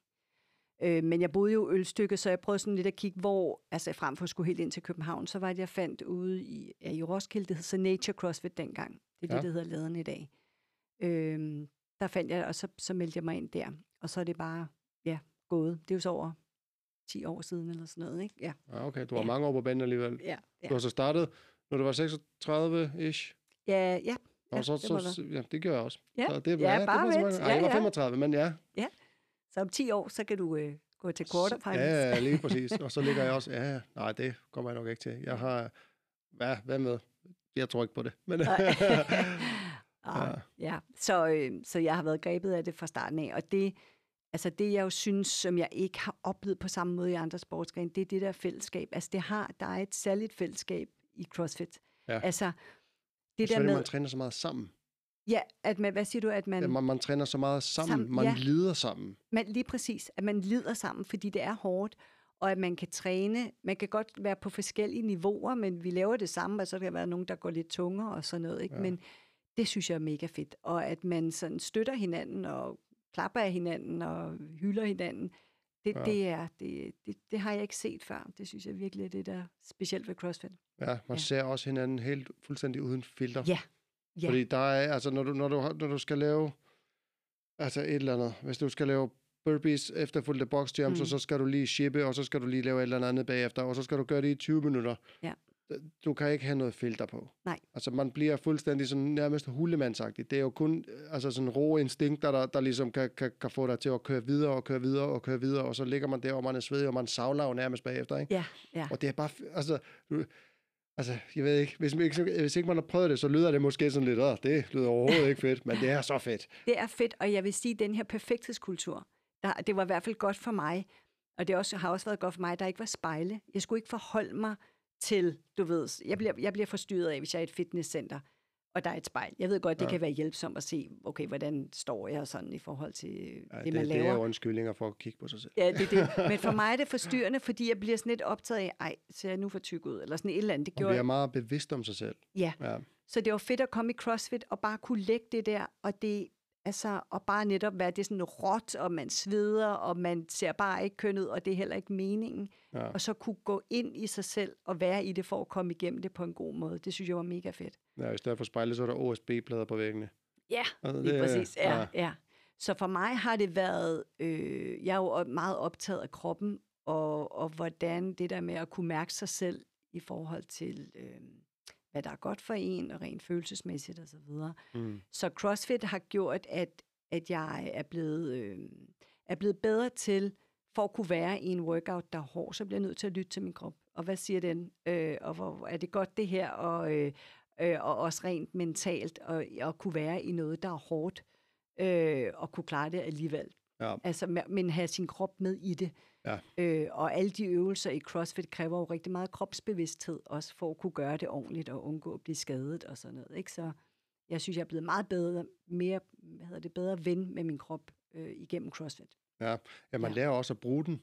Ja. Og man kan jo tydeligt se, øh, når nogen, der starter til CrossFit for eksempel, der ikke har trænet før, og ikke har danset, ikke har lavet yoga, ikke har lavet ting, hvor de ligesom har skulle bruge sin krop på en bevidst måde. Ja. Hvis du, hvis du stiller en helt ny, en, der har måske, lad os bare tage en, der har dyrket yoga, og, og, og stiller dem i en CrossFit-klasse, og så en ved siden af, som, som aldrig nogensinde har gjort noget som helst, Ja. så kan man tydeligt se, at dem, der har lidt kropsbevidsthed i forvejen, det rykker jo noget hurtigere, fordi ja. Ja. at man, man, ligesom, man kender sin krop. Man ved godt, at okay, jamen, når jeg er i gang med en bevægelse, der, og pulsen er høj, og man sådan mister lidt overblikket over øhm, lokalet og, og alt det der, Mm. så kan man jo sådan ubevidst mærke, så ved man, hvor sine hænder for eksempel er placeret i, ja. i rummet. Ja. Og det, det har jo noget at sige, hvis du for eksempel skal lave burpees. Hvis, mm. Hvis man bare tager den øvelse. Altså, det er, jo, det, er jo, det er jo nemt nok at komme til skade, hvis ikke, hvis ikke bevægelserne er sådan forholdsvis koordineret. Ja. Øhm, og, og, og det er også det, der er så godt ved ja, de fleste sportsgrene, vil jeg næsten sige, det der med at skabe noget kontakt til sin krop. Ja. Fordi at når man bruger sin krop, så er, og specielt når man bruger den på den måde, som man gør i CrossFit, så er der ikke plads til så mange tanker. Nej, Jeg kan ikke øh, tænke på regninger og, og, og hvad børnene skal have med i madpakke, når jeg laver CrossFit. Jeg kan kun, hvis ikke jeg tænker på det, jeg laver, så kommer jeg til skade. Ja, det er præcis. ja. Ja. Så det bliver sådan en pause. Ja. Altså, jeg har haft sådan, du ved, perioder med liv, så har jeg gået bøvlet, bøvlet hedder det, med nogle problemer, og så går jeg ind, og så netop så glemmer jeg alt. Det er ja. helt vildt. Og så når jeg er færdig med timen, nå, okay, så kommer man måske lige i tanker om det igen, men man kan simpelthen, jeg kan i hvert fald helt resette, når ja. Jeg går ind og træner, fordi jeg er så meget i det, og det bliver jeg nødt til, fordi ja, man kan ikke stå og tænke på regninger imens. Ja, det er også, når Øh. man har lavet noget, der, der er så hårdt, og så bagefter, så kommer man i tanke om det der, man egentlig øh, gik og stressede lidt over, inden. Mm. man gik ned og trænede, og så er det sådan lidt, høj, men altså, det kan jeg jo godt klare.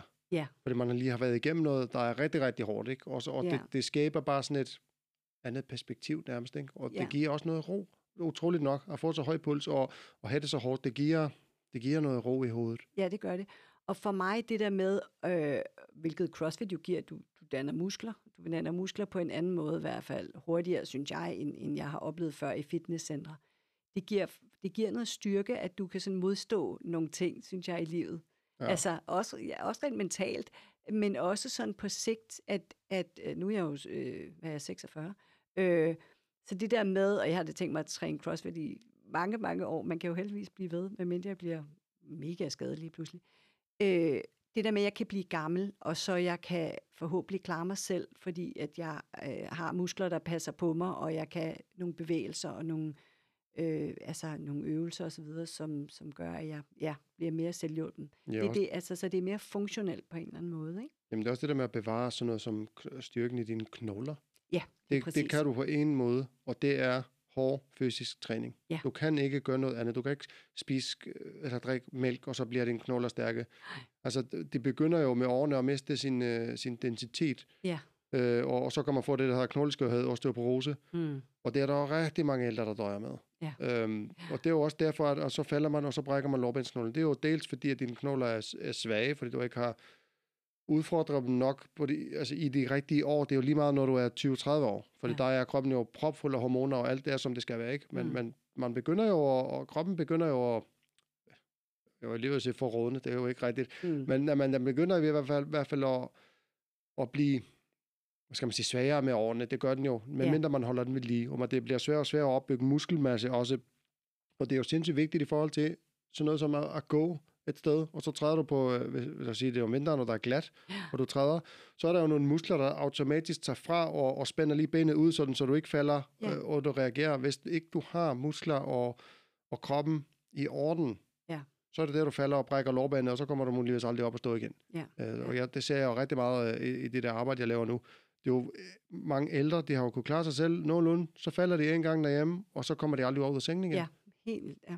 Øh, og det er jo fordi, at hvis, hvis det udgangspunkt er, jeg har ingen funktionelle og, og gode og stærke muskler og knogler, Mm. jamen hvordan skal du så genoptræne? Ja. Det bliver så svært. Ja. Men det, bliver, det er meget nemmere, hvis du har en stærk krop i forvejen. Ja, ja. Øhm, Så du kan holde til at tåle at blive gammel. Altså, det er jo Ja. meget det der. Og det er det, jeg synes, der er fedt ved CrossFit, at det ikke bare... Selvfølgelig er der også sporten CrossFit, som jo er noget andet, men at selve CrossFit som træningsform handler meget om, om sundhed. Altså, ja, og have en krop, der virker. at have en krop, der virker. Og så selve øvelserne er jo altså funktionelle øvelser, som noget, vi er skabt til at kunne sætte os ned i et squat, hvilket jo ret uhyggeligt er jo mange, der ikke kan, især når de starter til CrossFit. Ja. At vi er kommet dertil, fordi vi bare sidder så meget, ja. at vi ikke kan lave en basal øvelse, som at sætte sig ned i et squat, Ja. hvilket vi fra naturens side faktisk er designet til, ikke? at sidde på den måde. Ikke? Ja. Så, så jeg synes, det er fedt, at der er sådan nogle naturlige øvelser. Øhm, Ja, og også bare, altså, jeg vil sige, når man, altså nu har jeg som, som sagt været læst til socioassistent, Mm. og når man ser, jeg har jo været på, på demensplejehjem her for, for nylig i praktik, ja. og der er så meget forskel på folk. Altså min far, han er 70 år, fylder 70 i år. Han er uddannet fitnessinstruktør, han er, har været ingeniør, og så tog han sådan uh, DGI, bevæger for livet, uh, fitnessinstruktørkursus, og underviser så op i Gunse Magle, ja, underviser i de andre gamle. Jeg har set folk, der er på alder med ham, der slet ikke har løftet armene over hovedet. Ja. Fordi at de bare ikke har brugt deres krop i mange år. Ja. De har bare siddet og siddet og siddet og siddet, og det er de bare blevet ved med. Ja. Øh, og så når man så stopper med at arbejde, så får man jo nul bevægelse, hvis man så bare sidder hjemme og, og, og stander nærmest hele dagen. Ikke? Og, Ja. og det der med at ikke at kunne løfte armene over hovedet, når man er 70 år, det skræmmer mig. Ja. Sådan har jeg ikke lyst til at være. Øhm, al, al min træning nu, jeg er jo forholdsvis ung stadigvæk, Mm. altså al min træning går ud på, at jeg skal blive gammel på en god måde. Ja. Jeg gider ikke være 70 år, hvis jeg så skal bare skal sidde og lave ingenting hele dagen, fordi jeg ikke kan noget. Det gider Nej. jeg ikke. sådan har jeg det også. Ja. Altså, og det er skræmmende, og det er jo også derfor, man kalder det, altså, det er den stille død af inaktiviteten, og bare det at sidde. Ja, fordi du Altså- mister også alt det sociale, hvis ikke du går ud, og så, så kan man ikke gå ud og lave noget sammen med andre, og Ja.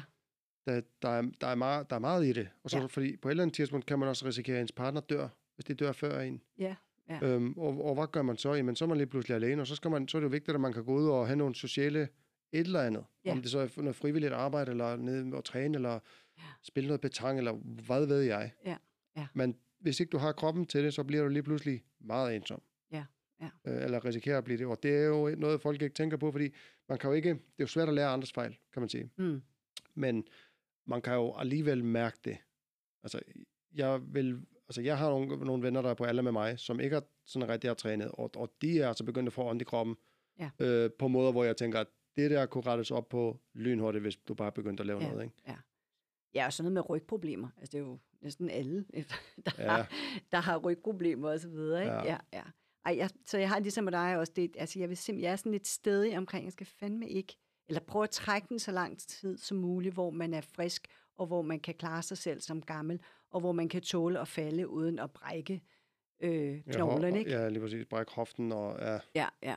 Og kunne, altså det er jo også vildt, det der med, at du siger, med ikke at kunne løfte sine arme. Altså Jamen, nå, ja, en helt am- almindelig ting, øh, fordi man simpelthen har mishandlet sin krop ved ikke at lave noget. ja. Use it or lose it, Ja. plejer man at sige, ikke? Ja. Der, jeg, kan, jeg træner jo rigtig meget, øh, og jeg bliver nogle gange mødt af den der, "Jamen, det er da farligt, og er det ikke lidt for meget, og er det ikke lidt voldt, hvor jeg bare sådan, hvordan tør du lade være? Altså med, for mig, der er det jo, jeg er med på, selvfølgelig skal man lytte til kroppen, og hvornår skal man restituere og alt det her, men, men bevægelse hver dag, er der, er der ikke noget farligt i. Altså det er jo faktisk ret vigtigt. Det er det, vi er skabt til. Ja. Det er det, vi altid har gjort. Ja. Lige indtil, at man fandt på computer og kontorstole og, Ja. og toiletter. Altså sådan noget så banalt som at gå på toilettet. Ja. Det er den mest unaturlige stilling, man sidder i. Ja. Altså, øh, og, og det kan man jo se, at hvis du går ned i en squat så bliver jo endetarmen, den bliver jo rettet ud, Ja. sådan, så at, at det er dens naturlige position, hvis den skal blive tømt og sådan noget. Ikke? Og Ja. det, er jo, det er jo noget, man ikke rigtig snakker om, måske af gode grunde, men, Mm. men stadigvæk, altså det er jo... Og så, så tænker jeg så på mine børn, som mm. har korte ben og er ret lave og sådan noget. Ikke? De, Ja. de sidder jo helt forkert. Ja. Øhm, så vi har faktisk sådan en skammel ved toilettet, så bliver jeg ved med at sige til dem, benene skal op på skamlen, når du sidder der, fordi at det Ja. er sådan, kroppen har det bedst. Ja. Men man er bare kommet så langt fra det. Altså at sidde i sådan en stol, som vi sidder i nu, det er ikke godt. Nej. Og man kan også sige, at hvis du sidder, altså dem, der har, hvad, hvad skal man sige, jeg har arbejdet øh, på et handicap-bosted, eller Mm. arbejder stadigvæk. Øh, jeg var i praktik der, og så arbejder som vikar nu. Og vi har mange, der, der, der lider af tryksår. Ja. Og det kan jo opstå på under en halv time. Mm. Så hvis du sidder uden, og det lægger man måske ikke mærke til, det er måske lige vigtigt for mig at understrege, man, man, man retter jo på sin sidestilling en lille smule hele tiden, mm. fordi at man kan mærke, okay, uh, det er ubehageligt der ved sædeknoglerne, eller på låren, eller et eller andet. Ja. Hvis du sad helt plantet samme sted, uden at sådan lave en lille bevægelse en halv time, så kan du få et tryksår. Og det er hurtigt. Det er kan hurtigt. Opstå, ja. Og Ja. ja. det er noget, der kan trække ud i mange år. Så jeg, jeg, der er en, han har et hul på størrelse med, altså tæt på en håndbold ind i ryggen. Ej, Det var fordi han tryksår. har ligget simpelthen så meget. Han har siddet så meget. Han, har, han, han har ikke Okay. nogen ben. Nå, Så han sidder i kø- kørestol. Ja, ja. Øhm, og det viser, i mit hoved, så viser det bare, hvor skidt det er for os at sidde så meget. mm. Øhm, fordi at, at det, der sker, når man får tryksår, det er vævet, øh, det dør. Ja.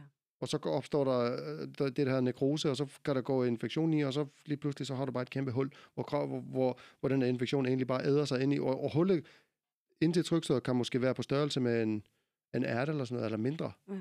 Men indeni så er der bare sådan et kæmpe hulrum. Ui. Øh, Ja. ja. det, det er nogle voldsomme ting. Ja. Øh, og når man arbejder med, med folk, der har øh, som de her lidt forskellige problematikker, der bliver jeg bare mere og mere bevidst om, okay, hold kæft, hvor er det vigtigt at holde sig i gang. Ja. Ja. Det er Og så det, vigtigt. og det er det, jeg synes også er fedt ved CrossFit, at du kan jo du kan altid træne. Og altså, du kan altid, så kan du, er der jo en del, der får skader. Sådan er det jo også. Øh, Øh, men så kan du træne udenom det. Og det synes jeg faktisk, mange af instruktørerne er gode til. Øh, har du også talt med Thomas Pilsborg og sådan noget. Altså det der med Ja. at kunne lægge nogle programmer eller hjælpe folk til, okay, hvad kan du så? Frem for, at den klassiske er, hvis du går til lægen, nu skal du bare holde pause. ja, spis nogle noget. Ipræner og, og, Ja, og holde pause. Ja, og kom igen om 10 dage, hvis ikke det bliver bedre. Ja, ja. Så den, nej, okay, så kan du lave noget andet i stedet for, fordi det er faktisk vigtigt, at du stadigvæk holder dig i gang. Ja. Øhm, Og man heler jo heller ikke, hvis man bare sætter sig ned. Altså, Nej. det kræver noget blodcirkulation og, og nogle affaldsstoffer, der skal væk, og, og, og så videre. Nu har jeg jo lige fået en skulderskade i går, for eksempel. ja, Og jeg har jo ikke tænkt mig at sidde stille og lave ingenting. Altså, jeg skal godt nok ikke ned og bænkpresse eller andet meget Nej. tungt, men, men jeg skal da holde det i gang, fordi at måden, kroppen kan hele på, det er jo at få noget blodcirkulation og få noget næringsstoffer til området, så kroppen kan hele sig selv. ja, For det er det, den gør. Ja. Øhm, Ja. Og, det, og det bliver jo bare, bare langsommere af, at, at man bare sidder og laver ingenting. lige præcis. Jeg kom i tanke om, Thor, hvordan kom du ind i CrossFit? Det synes jeg så ikke, jeg har hørt. Oh, det er en, en længere historie. Okay. Øhm, min, min lytter har hørt den, men, Okay. men nu får du den lige. øhm, for mange år siden, når jeg blev født. Mm, Nej, ja. okay. Hvad hedder det? Øhm, Det er sådan, at jeg har en autoimmun øh, gigtsygdom, der hedder øh, morbus Bechterew. Øh, rygsøjlegigt er sådan et paraplybegreb. Og det, Ja. det, den gør egentlig, at det er ikke, det er ikke slidgigt, det er genetisk. Mm. Øh, og det gør, at min, det starter som regel nede ved bækkenledene, øh, og så kommer der sådan nogle kalkafleringer, hvor, hvor, hvor ligesom mine bækkenled, de er ved at gro sammen. Mm. Det kræver, skaber utrolig meget stivhed, og så kommer der noget inflammation omkring det, øhm, og så kan det trykke på nerver, jeg har haft sådan nogle iskasmerter i mange år, og har haft ondt af helvede til. Så Mm. jeg kan ikke tage sokker på og alt muligt sådan noget lort, ikke? Altid været afsted, jeg går på arbejde og trænet, og hør, hør, hør, vidste ikke, jeg havde den her gigt. Jeg tror Okay. egentlig bare, det var noget rygproblemer, og, og lægerne blev ved med at sende mig til røntgen og sige, ja, men det ser fint ud, så der er ikke noget. Og så øhm, øh, har jeg så fået to diskusprolapser undervejs, øh, og jeg, jeg kan godt regne ud, hvornår det var, fordi der var perioder, hvor jeg havde så ondt. Mm. Øhm, jeg har altid trænet alligevel. Jeg trænede sådan noget powerlifting øh, ved siden af, for mange år siden ved siden af af det der, de der hårde jobs, jeg har haft og sådan noget. Ja. Og, og så, øh, fordi at jeg var, havde, altså, jeg vidste, der var et eller andet galt. Jeg vidste bare ikke, hvad det var. Mm. Og så har jeg jo styrketrænet al- altid alligevel. Øh, droppede det der powerlifting, fordi det kunne jeg bare ikke holde til. Og så har jeg styrketrænet bare sådan for mig selv heroppe i øh, Gunselille i sådan lokale fitnesscenteret. Mm. Og det var jeg jo kørt død i for lang tid siden. Jeg gjorde det bare, fordi jeg jeg kendte konsekvensen af, hvis ikke jeg gjorde. Fordi Ja. det kan godt være, at jeg var, øm efter træningen og sådan, men det var så meget værd, hvis jeg ikke havde trænet. Ja. Øhm, og det var jo kedeligt, fordi at jeg var bare var alene, og jeg kunne ikke træne, som jeg ville, fordi jeg ville egentlig gerne træne tungt og være powerlifter og sådan noget. Og, og så øhm, har, jeg sådan gået, og så prøvede jeg at kræfter med noget brasiliansk jiu-jitsu, noget kampsport, og det var mega fedt. Det gav faktisk, det var lidt den samme fællesskabsfølelse, som ja. man har i CrossFit. Det var bare et rigtig fedt sådan broderskab, jeg kom ind i nærmest, ikke? Og, og det kunne jeg så heller ikke holde til, fordi det, jeg havde jo ondt af helvede til, og så fik jeg en hjernerystelse, øh, fik et knæ i hovedet og, og sådan lidt. Og så stop, droppede jeg det, og så er der nogen, Jeg har haft Silje Rubæk. Ja. Øh, han kender du måske nede på Ja. boksen godt. Han har jeg haft på her. Øhm, for, og, og det er fordi, vores børn har gået i børnehave sammen. Mm. Og, øh, og hun var BMX øh, rytter, kalder man det? Ja, hvad hedder det? Ja, Ja, noget hun kørte dur. BMX, var ja. i hvert fald pissegod og vandt alt muligt. Og, og, og jeg havde en på, og vi snakkede lidt, og hun havde fortalt mig lidt om CrossFit og, og sådan, og jeg har jo altid sådan gået lidt og, og grinet lidt af CrossFit her, fordi når man er i det der sådan powerlifting, vægtløftningsmiljø, det var det sådan, var det i hvert fald for 10 år siden, der var det sådan lidt, at CrossFit, det virkede bare så fjollet. Ja. Det så bare Ja. så dumt ud med de burpees, som man tænker, hvad helvede er det, jeg har gang i? Ja. Øhm, og der var min mål også nogle helt andre end nu. Det var jo at blive stærk og stor. Mm. Øh, og, og det er jo, man kan blive stærk i CrossFit, muskelvækst det er ikke sådan, altså hvis sådan bodybuilder, sådan hypertrofi, det er jo Ja. ikke det, man træner CrossFit for. Nej. Øh, fordi det er nogle helt andre øh, måder at træne på, man skal bruge. Men, men så havde hun snakket om det, og så var der en tatovør, jeg kender, som hedder Mads, han har også trænet dernede, og Burger, øh, også en anden, han er lydmand. kender jeg også. Ja, lige Ja. han har også trænet dernede, og, Ja. og de alle sammen sådan snakket godt om det, og, og det var fedt, og så så jeg en dokumentar på Netflix, Mm. CrossFit Games eller mm. noget. For det var sådan nogle år siden, ikke? Og så var jeg også sådan, okay, det ser faktisk fedt ud, men så blev jeg jo nervøs for, men det kan jeg jo ikke holde til, Mm. fordi jeg har så ondt og alle de her problemer her. Og så øh, løg jeg mig så frem til en, eller ind til en MR-scanning her i 2020, fordi der var jeg begyndt at få ondt igen. Ja. Øh, og der gik jeg ned simpelthen og sagde til lægen, jeg har rejsningsproblemer, og jeg kan ikke mærke min tær, og, og, og det, jeg, jeg listede egentlig bare alle symptomerne op. Okay. Selvom det er mere end halvdelen af det var, det var fuldstændig løgn. Ja. Jeg har ikke nemt ved at lyve over for folk, så det var sådan lidt, ja, det var faktisk virkelig dårligt ned hos lægen og sidde Okay. og, sådan, og, og, og videre, jamen jeg, jeg står faktisk og kigger et menneske i øjnene og lyver, Ja. det, det kan jeg ikke. Nej. Øhm, men så fik jeg MR-scanningen, så viste det sig så, okay, men jeg har den her gigt, og det er jo, den er meget sjælden, det er under 1% af verdens befolkning, der har den her type Okay. gigt. Øhm, og så var jeg sådan lidt, okay, jamen hvad fanden gør jeg så? Fordi jeg fik at vide, øh, så røg jeg til fysioterapeut, det er en meget lang historie, det sagde jeg også på forhånd. ikke? Ja, det gør ikke og så sagde fysioterapeuten, jamen du har jo gang i det rigtige, du laver en masse yoga, og, og, og, og du træner styrketræner, Mm. så du skal bare blive ved med det. Mm. Øhm, jeg har jo startet til yoga for mange år siden, bare sådan hjemme i stuen på YouTube, netop fordi jeg havde ondt, og så googlede jeg jo, sådan yoga for back pain. Ja. Og så gemte jeg mig godt væk, så var der ikke, der var ikke nogen, der skulle Nå, se mig var lave okay. det. Vel? Og så tog jeg så en yogalæreruddannelse faktisk undervejs, og begyndte at undervise i det, og lavede sådan noget håndværker-yoga. oh, så skal Ja. du da undervise i Voxlife på et tidspunkt måske. Ja, det, hvis, hvis de vil have det, så, så, Ja. ja. så vil jeg gerne. Men, øh, men øh, jeg er ikke blevet spurgt. Nej. Hvad hedder det? øhm, Og så sidste år tænkte jeg af en eller anden grund, okay, nu kunne det faktisk være fedt at prøve noget, fordi jeg, jeg, jeg tror, det var på Instagram, så så jeg et opslag fra CrossFit Roskilde, Ja.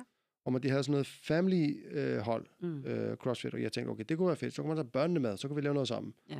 Og jeg kommenterer på det om, jeg kan ikke huske, om jeg spurgte, hvor, tid, hvor gamle børnene måtte være, eller et eller andet. Og så skriver Silja til mig, hey, jeg træner ned i Boxlife, vi har også familyhold, vil du ikke komme herned og prøve? Okay.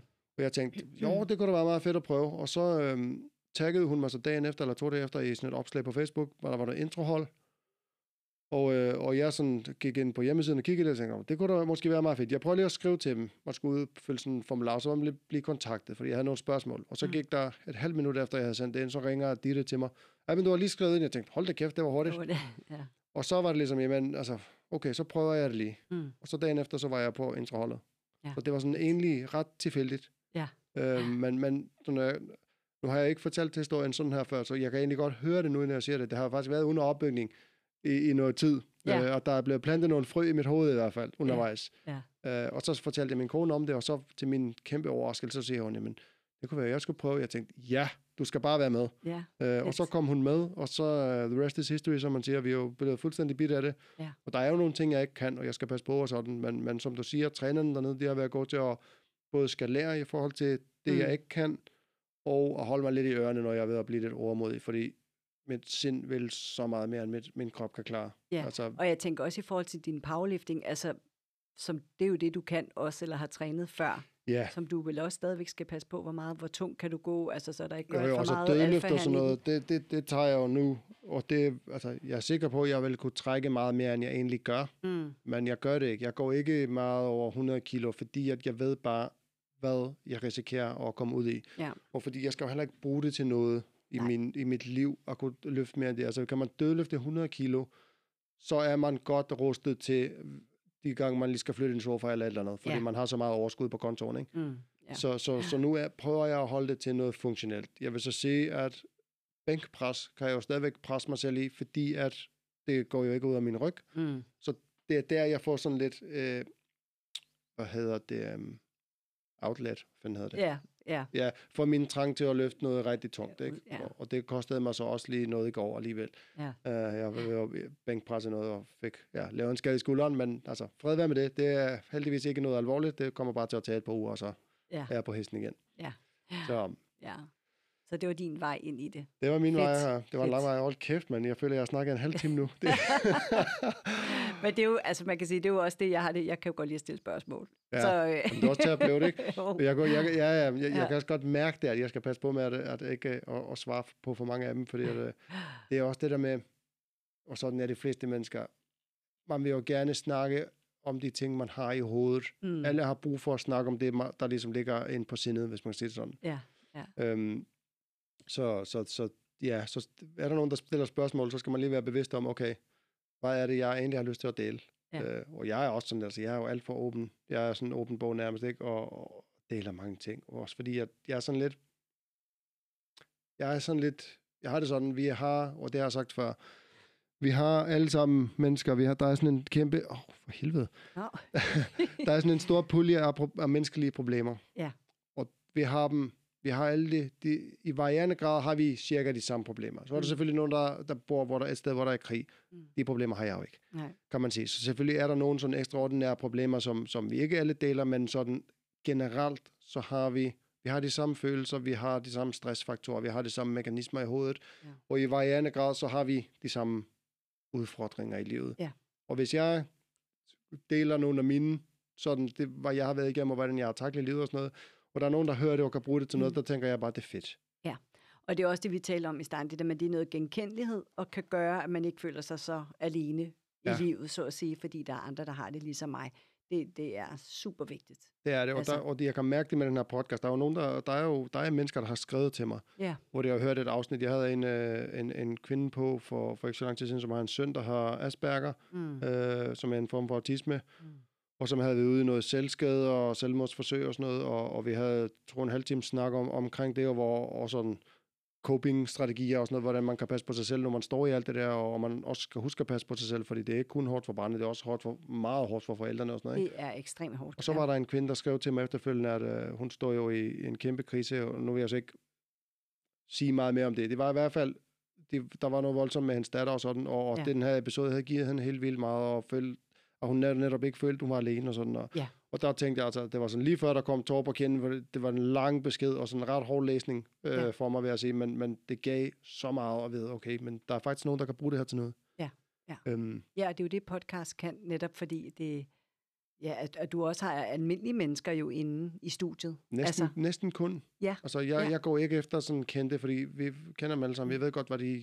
Ja, ja, fint nok. Ja. Og de har altid sådan en eller anden filter på. Jeg vil Ja. hellere snakke med mennesker som dig. Mm. Øh, du ved, fordi at jeg kan, jeg kan relatere til dig, Ja. øh, og det kan andre også. Ja. Øh, fordi at du er sådan, ja, i til en almindelig menneske, du er alligevel sådan lidt ekstraordinær på nogle punkter, Mm. øh, hvis man kan sige det sådan, men, men alligevel, altså, Ja. det, det giver noget Ja. at høre andres. Og det er sådan, jeg har fået inspiration Ja. gennem podcast. Det har hjulpet mig så meget igennem nogle hæftige perioder i mit liv, ikke? ja, ja. Øhm, Jamen, det, jeg synes, det er fedt, og jeg synes, det er fedt, at du, at du gør det, fordi det er netop, at det rækker så langt ud til Ja. andre, at de sidder der og netop kan, kan blive inspireret.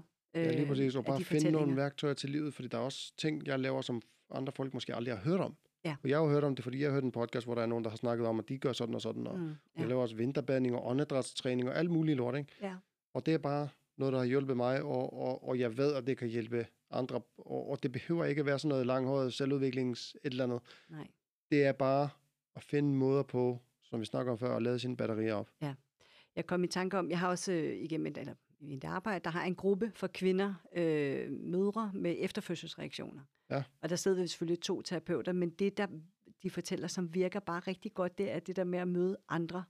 Ja. Fordi det med at blive mor, øh, kan være lidt lyserødt omkring alt det, hvor fantastisk det er, og øh, at det hele bare er, kommer til at fungere. Øh, og man glemmer lidt bagsiden af det, som vi talte om tidligere, hvor mega hårdt det er at være Ja. ja. forældre. Ja, og der Så er også det- nogle øh, ændringer i kroppen, og der er alt muligt, Uh, der kommer ja, på spil, ikke? Helt klart. Så det der med at sidde, altså nu gør vi det på den her måde med podcast, og nogen kan lytte til det, men også at sidde i en gruppe, har kæmpe stor effekt. Det Ja. der med at føle sig set og hørt, og at man kan genkende sig selv i andre. Ja, apropos mandegruppen, ikke? Lige præcis, Altså- din mandegruppe der er fantastisk. Det er, Ja. jo, det er det positive ved sociale medier, ikke? Ja.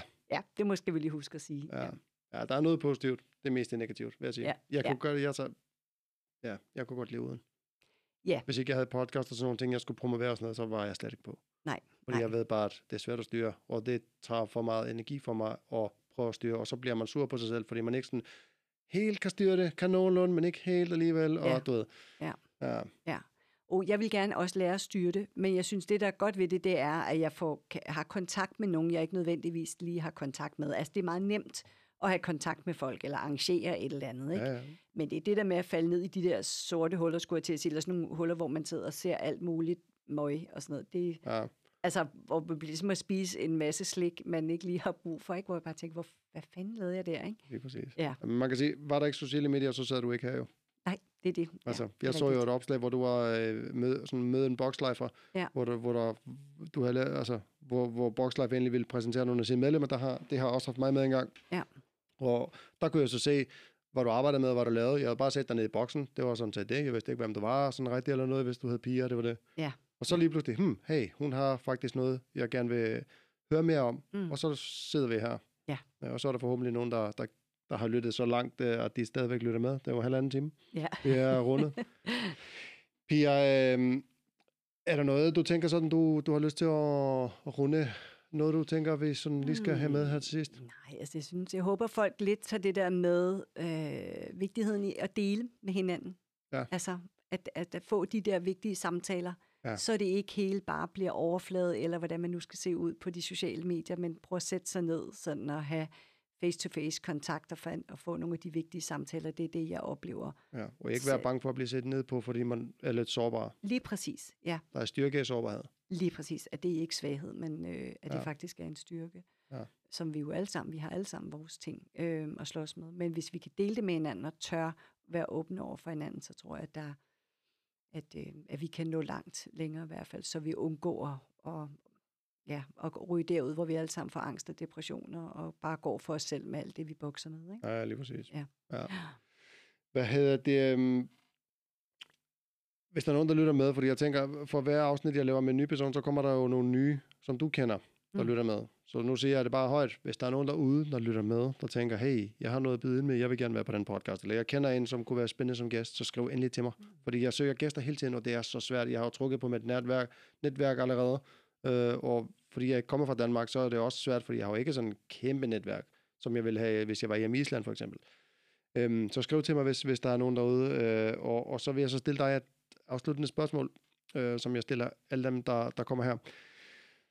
Hvis du, med, med, altså med al den viden og erfaring, du har i dag, hvis du øh, kunne give øh, 20-årige dig et råd, hvad vil, du, øh, hvad vil du sige til dig selv? Uh, ej, det er et stort spørgsmål, tror jeg. Altså, jeg tænker, øh, slap lidt af, og, Ja. og, og have det lidt sjovt, øh, og ikke, øh, ikke være så optaget af, det var jo meget dengang, hvad andre tænker om mig. Det er sådan lidt klassisk. Øh, Ja. Der tror øh, jeg, at vi Øh, alle sammen har været. Ja, og så altså huske, det er i hvert fald noget, jeg er optaget af her nu som, som 46 at få, få en masse glæde ind i livet. Altså, der skal være noget lethed i livet. Det er derfor, jeg godt kan lide at danse, og, og, og CrossFit også. Det er også lethed for mig. Ja. At, at huske, fordi der er så meget seriøsitet, det er så tungt. Vi har alle sammen vores problemer, der er hamsterhjulet alt det her. At huske på som 20, hold nu fast i det lette, i, i glæden, i det sjove, og i nærkontakten med, med andre mennesker. Ja. At blive ved med at holde fast i det. Ja. Play life, Play som, life. øh, som Esben Sejer siger, han har været Ja. på to gange. Han, Ja. øh, det er sådan hans øh, catchphrase, play life. Ja. Øhm, det harmonerer meget godt med det, du lige sagde der. Ja. Ja. ja. Ja. Hvis folk nu øh, gerne vil finde dig, jeg tænker, hvis der er nogen, der tænker, jamen hey, hun mm. lyder som en psykoterapeut, jeg gerne vil gå til, eller et eller andet, kan man finde dig et sted?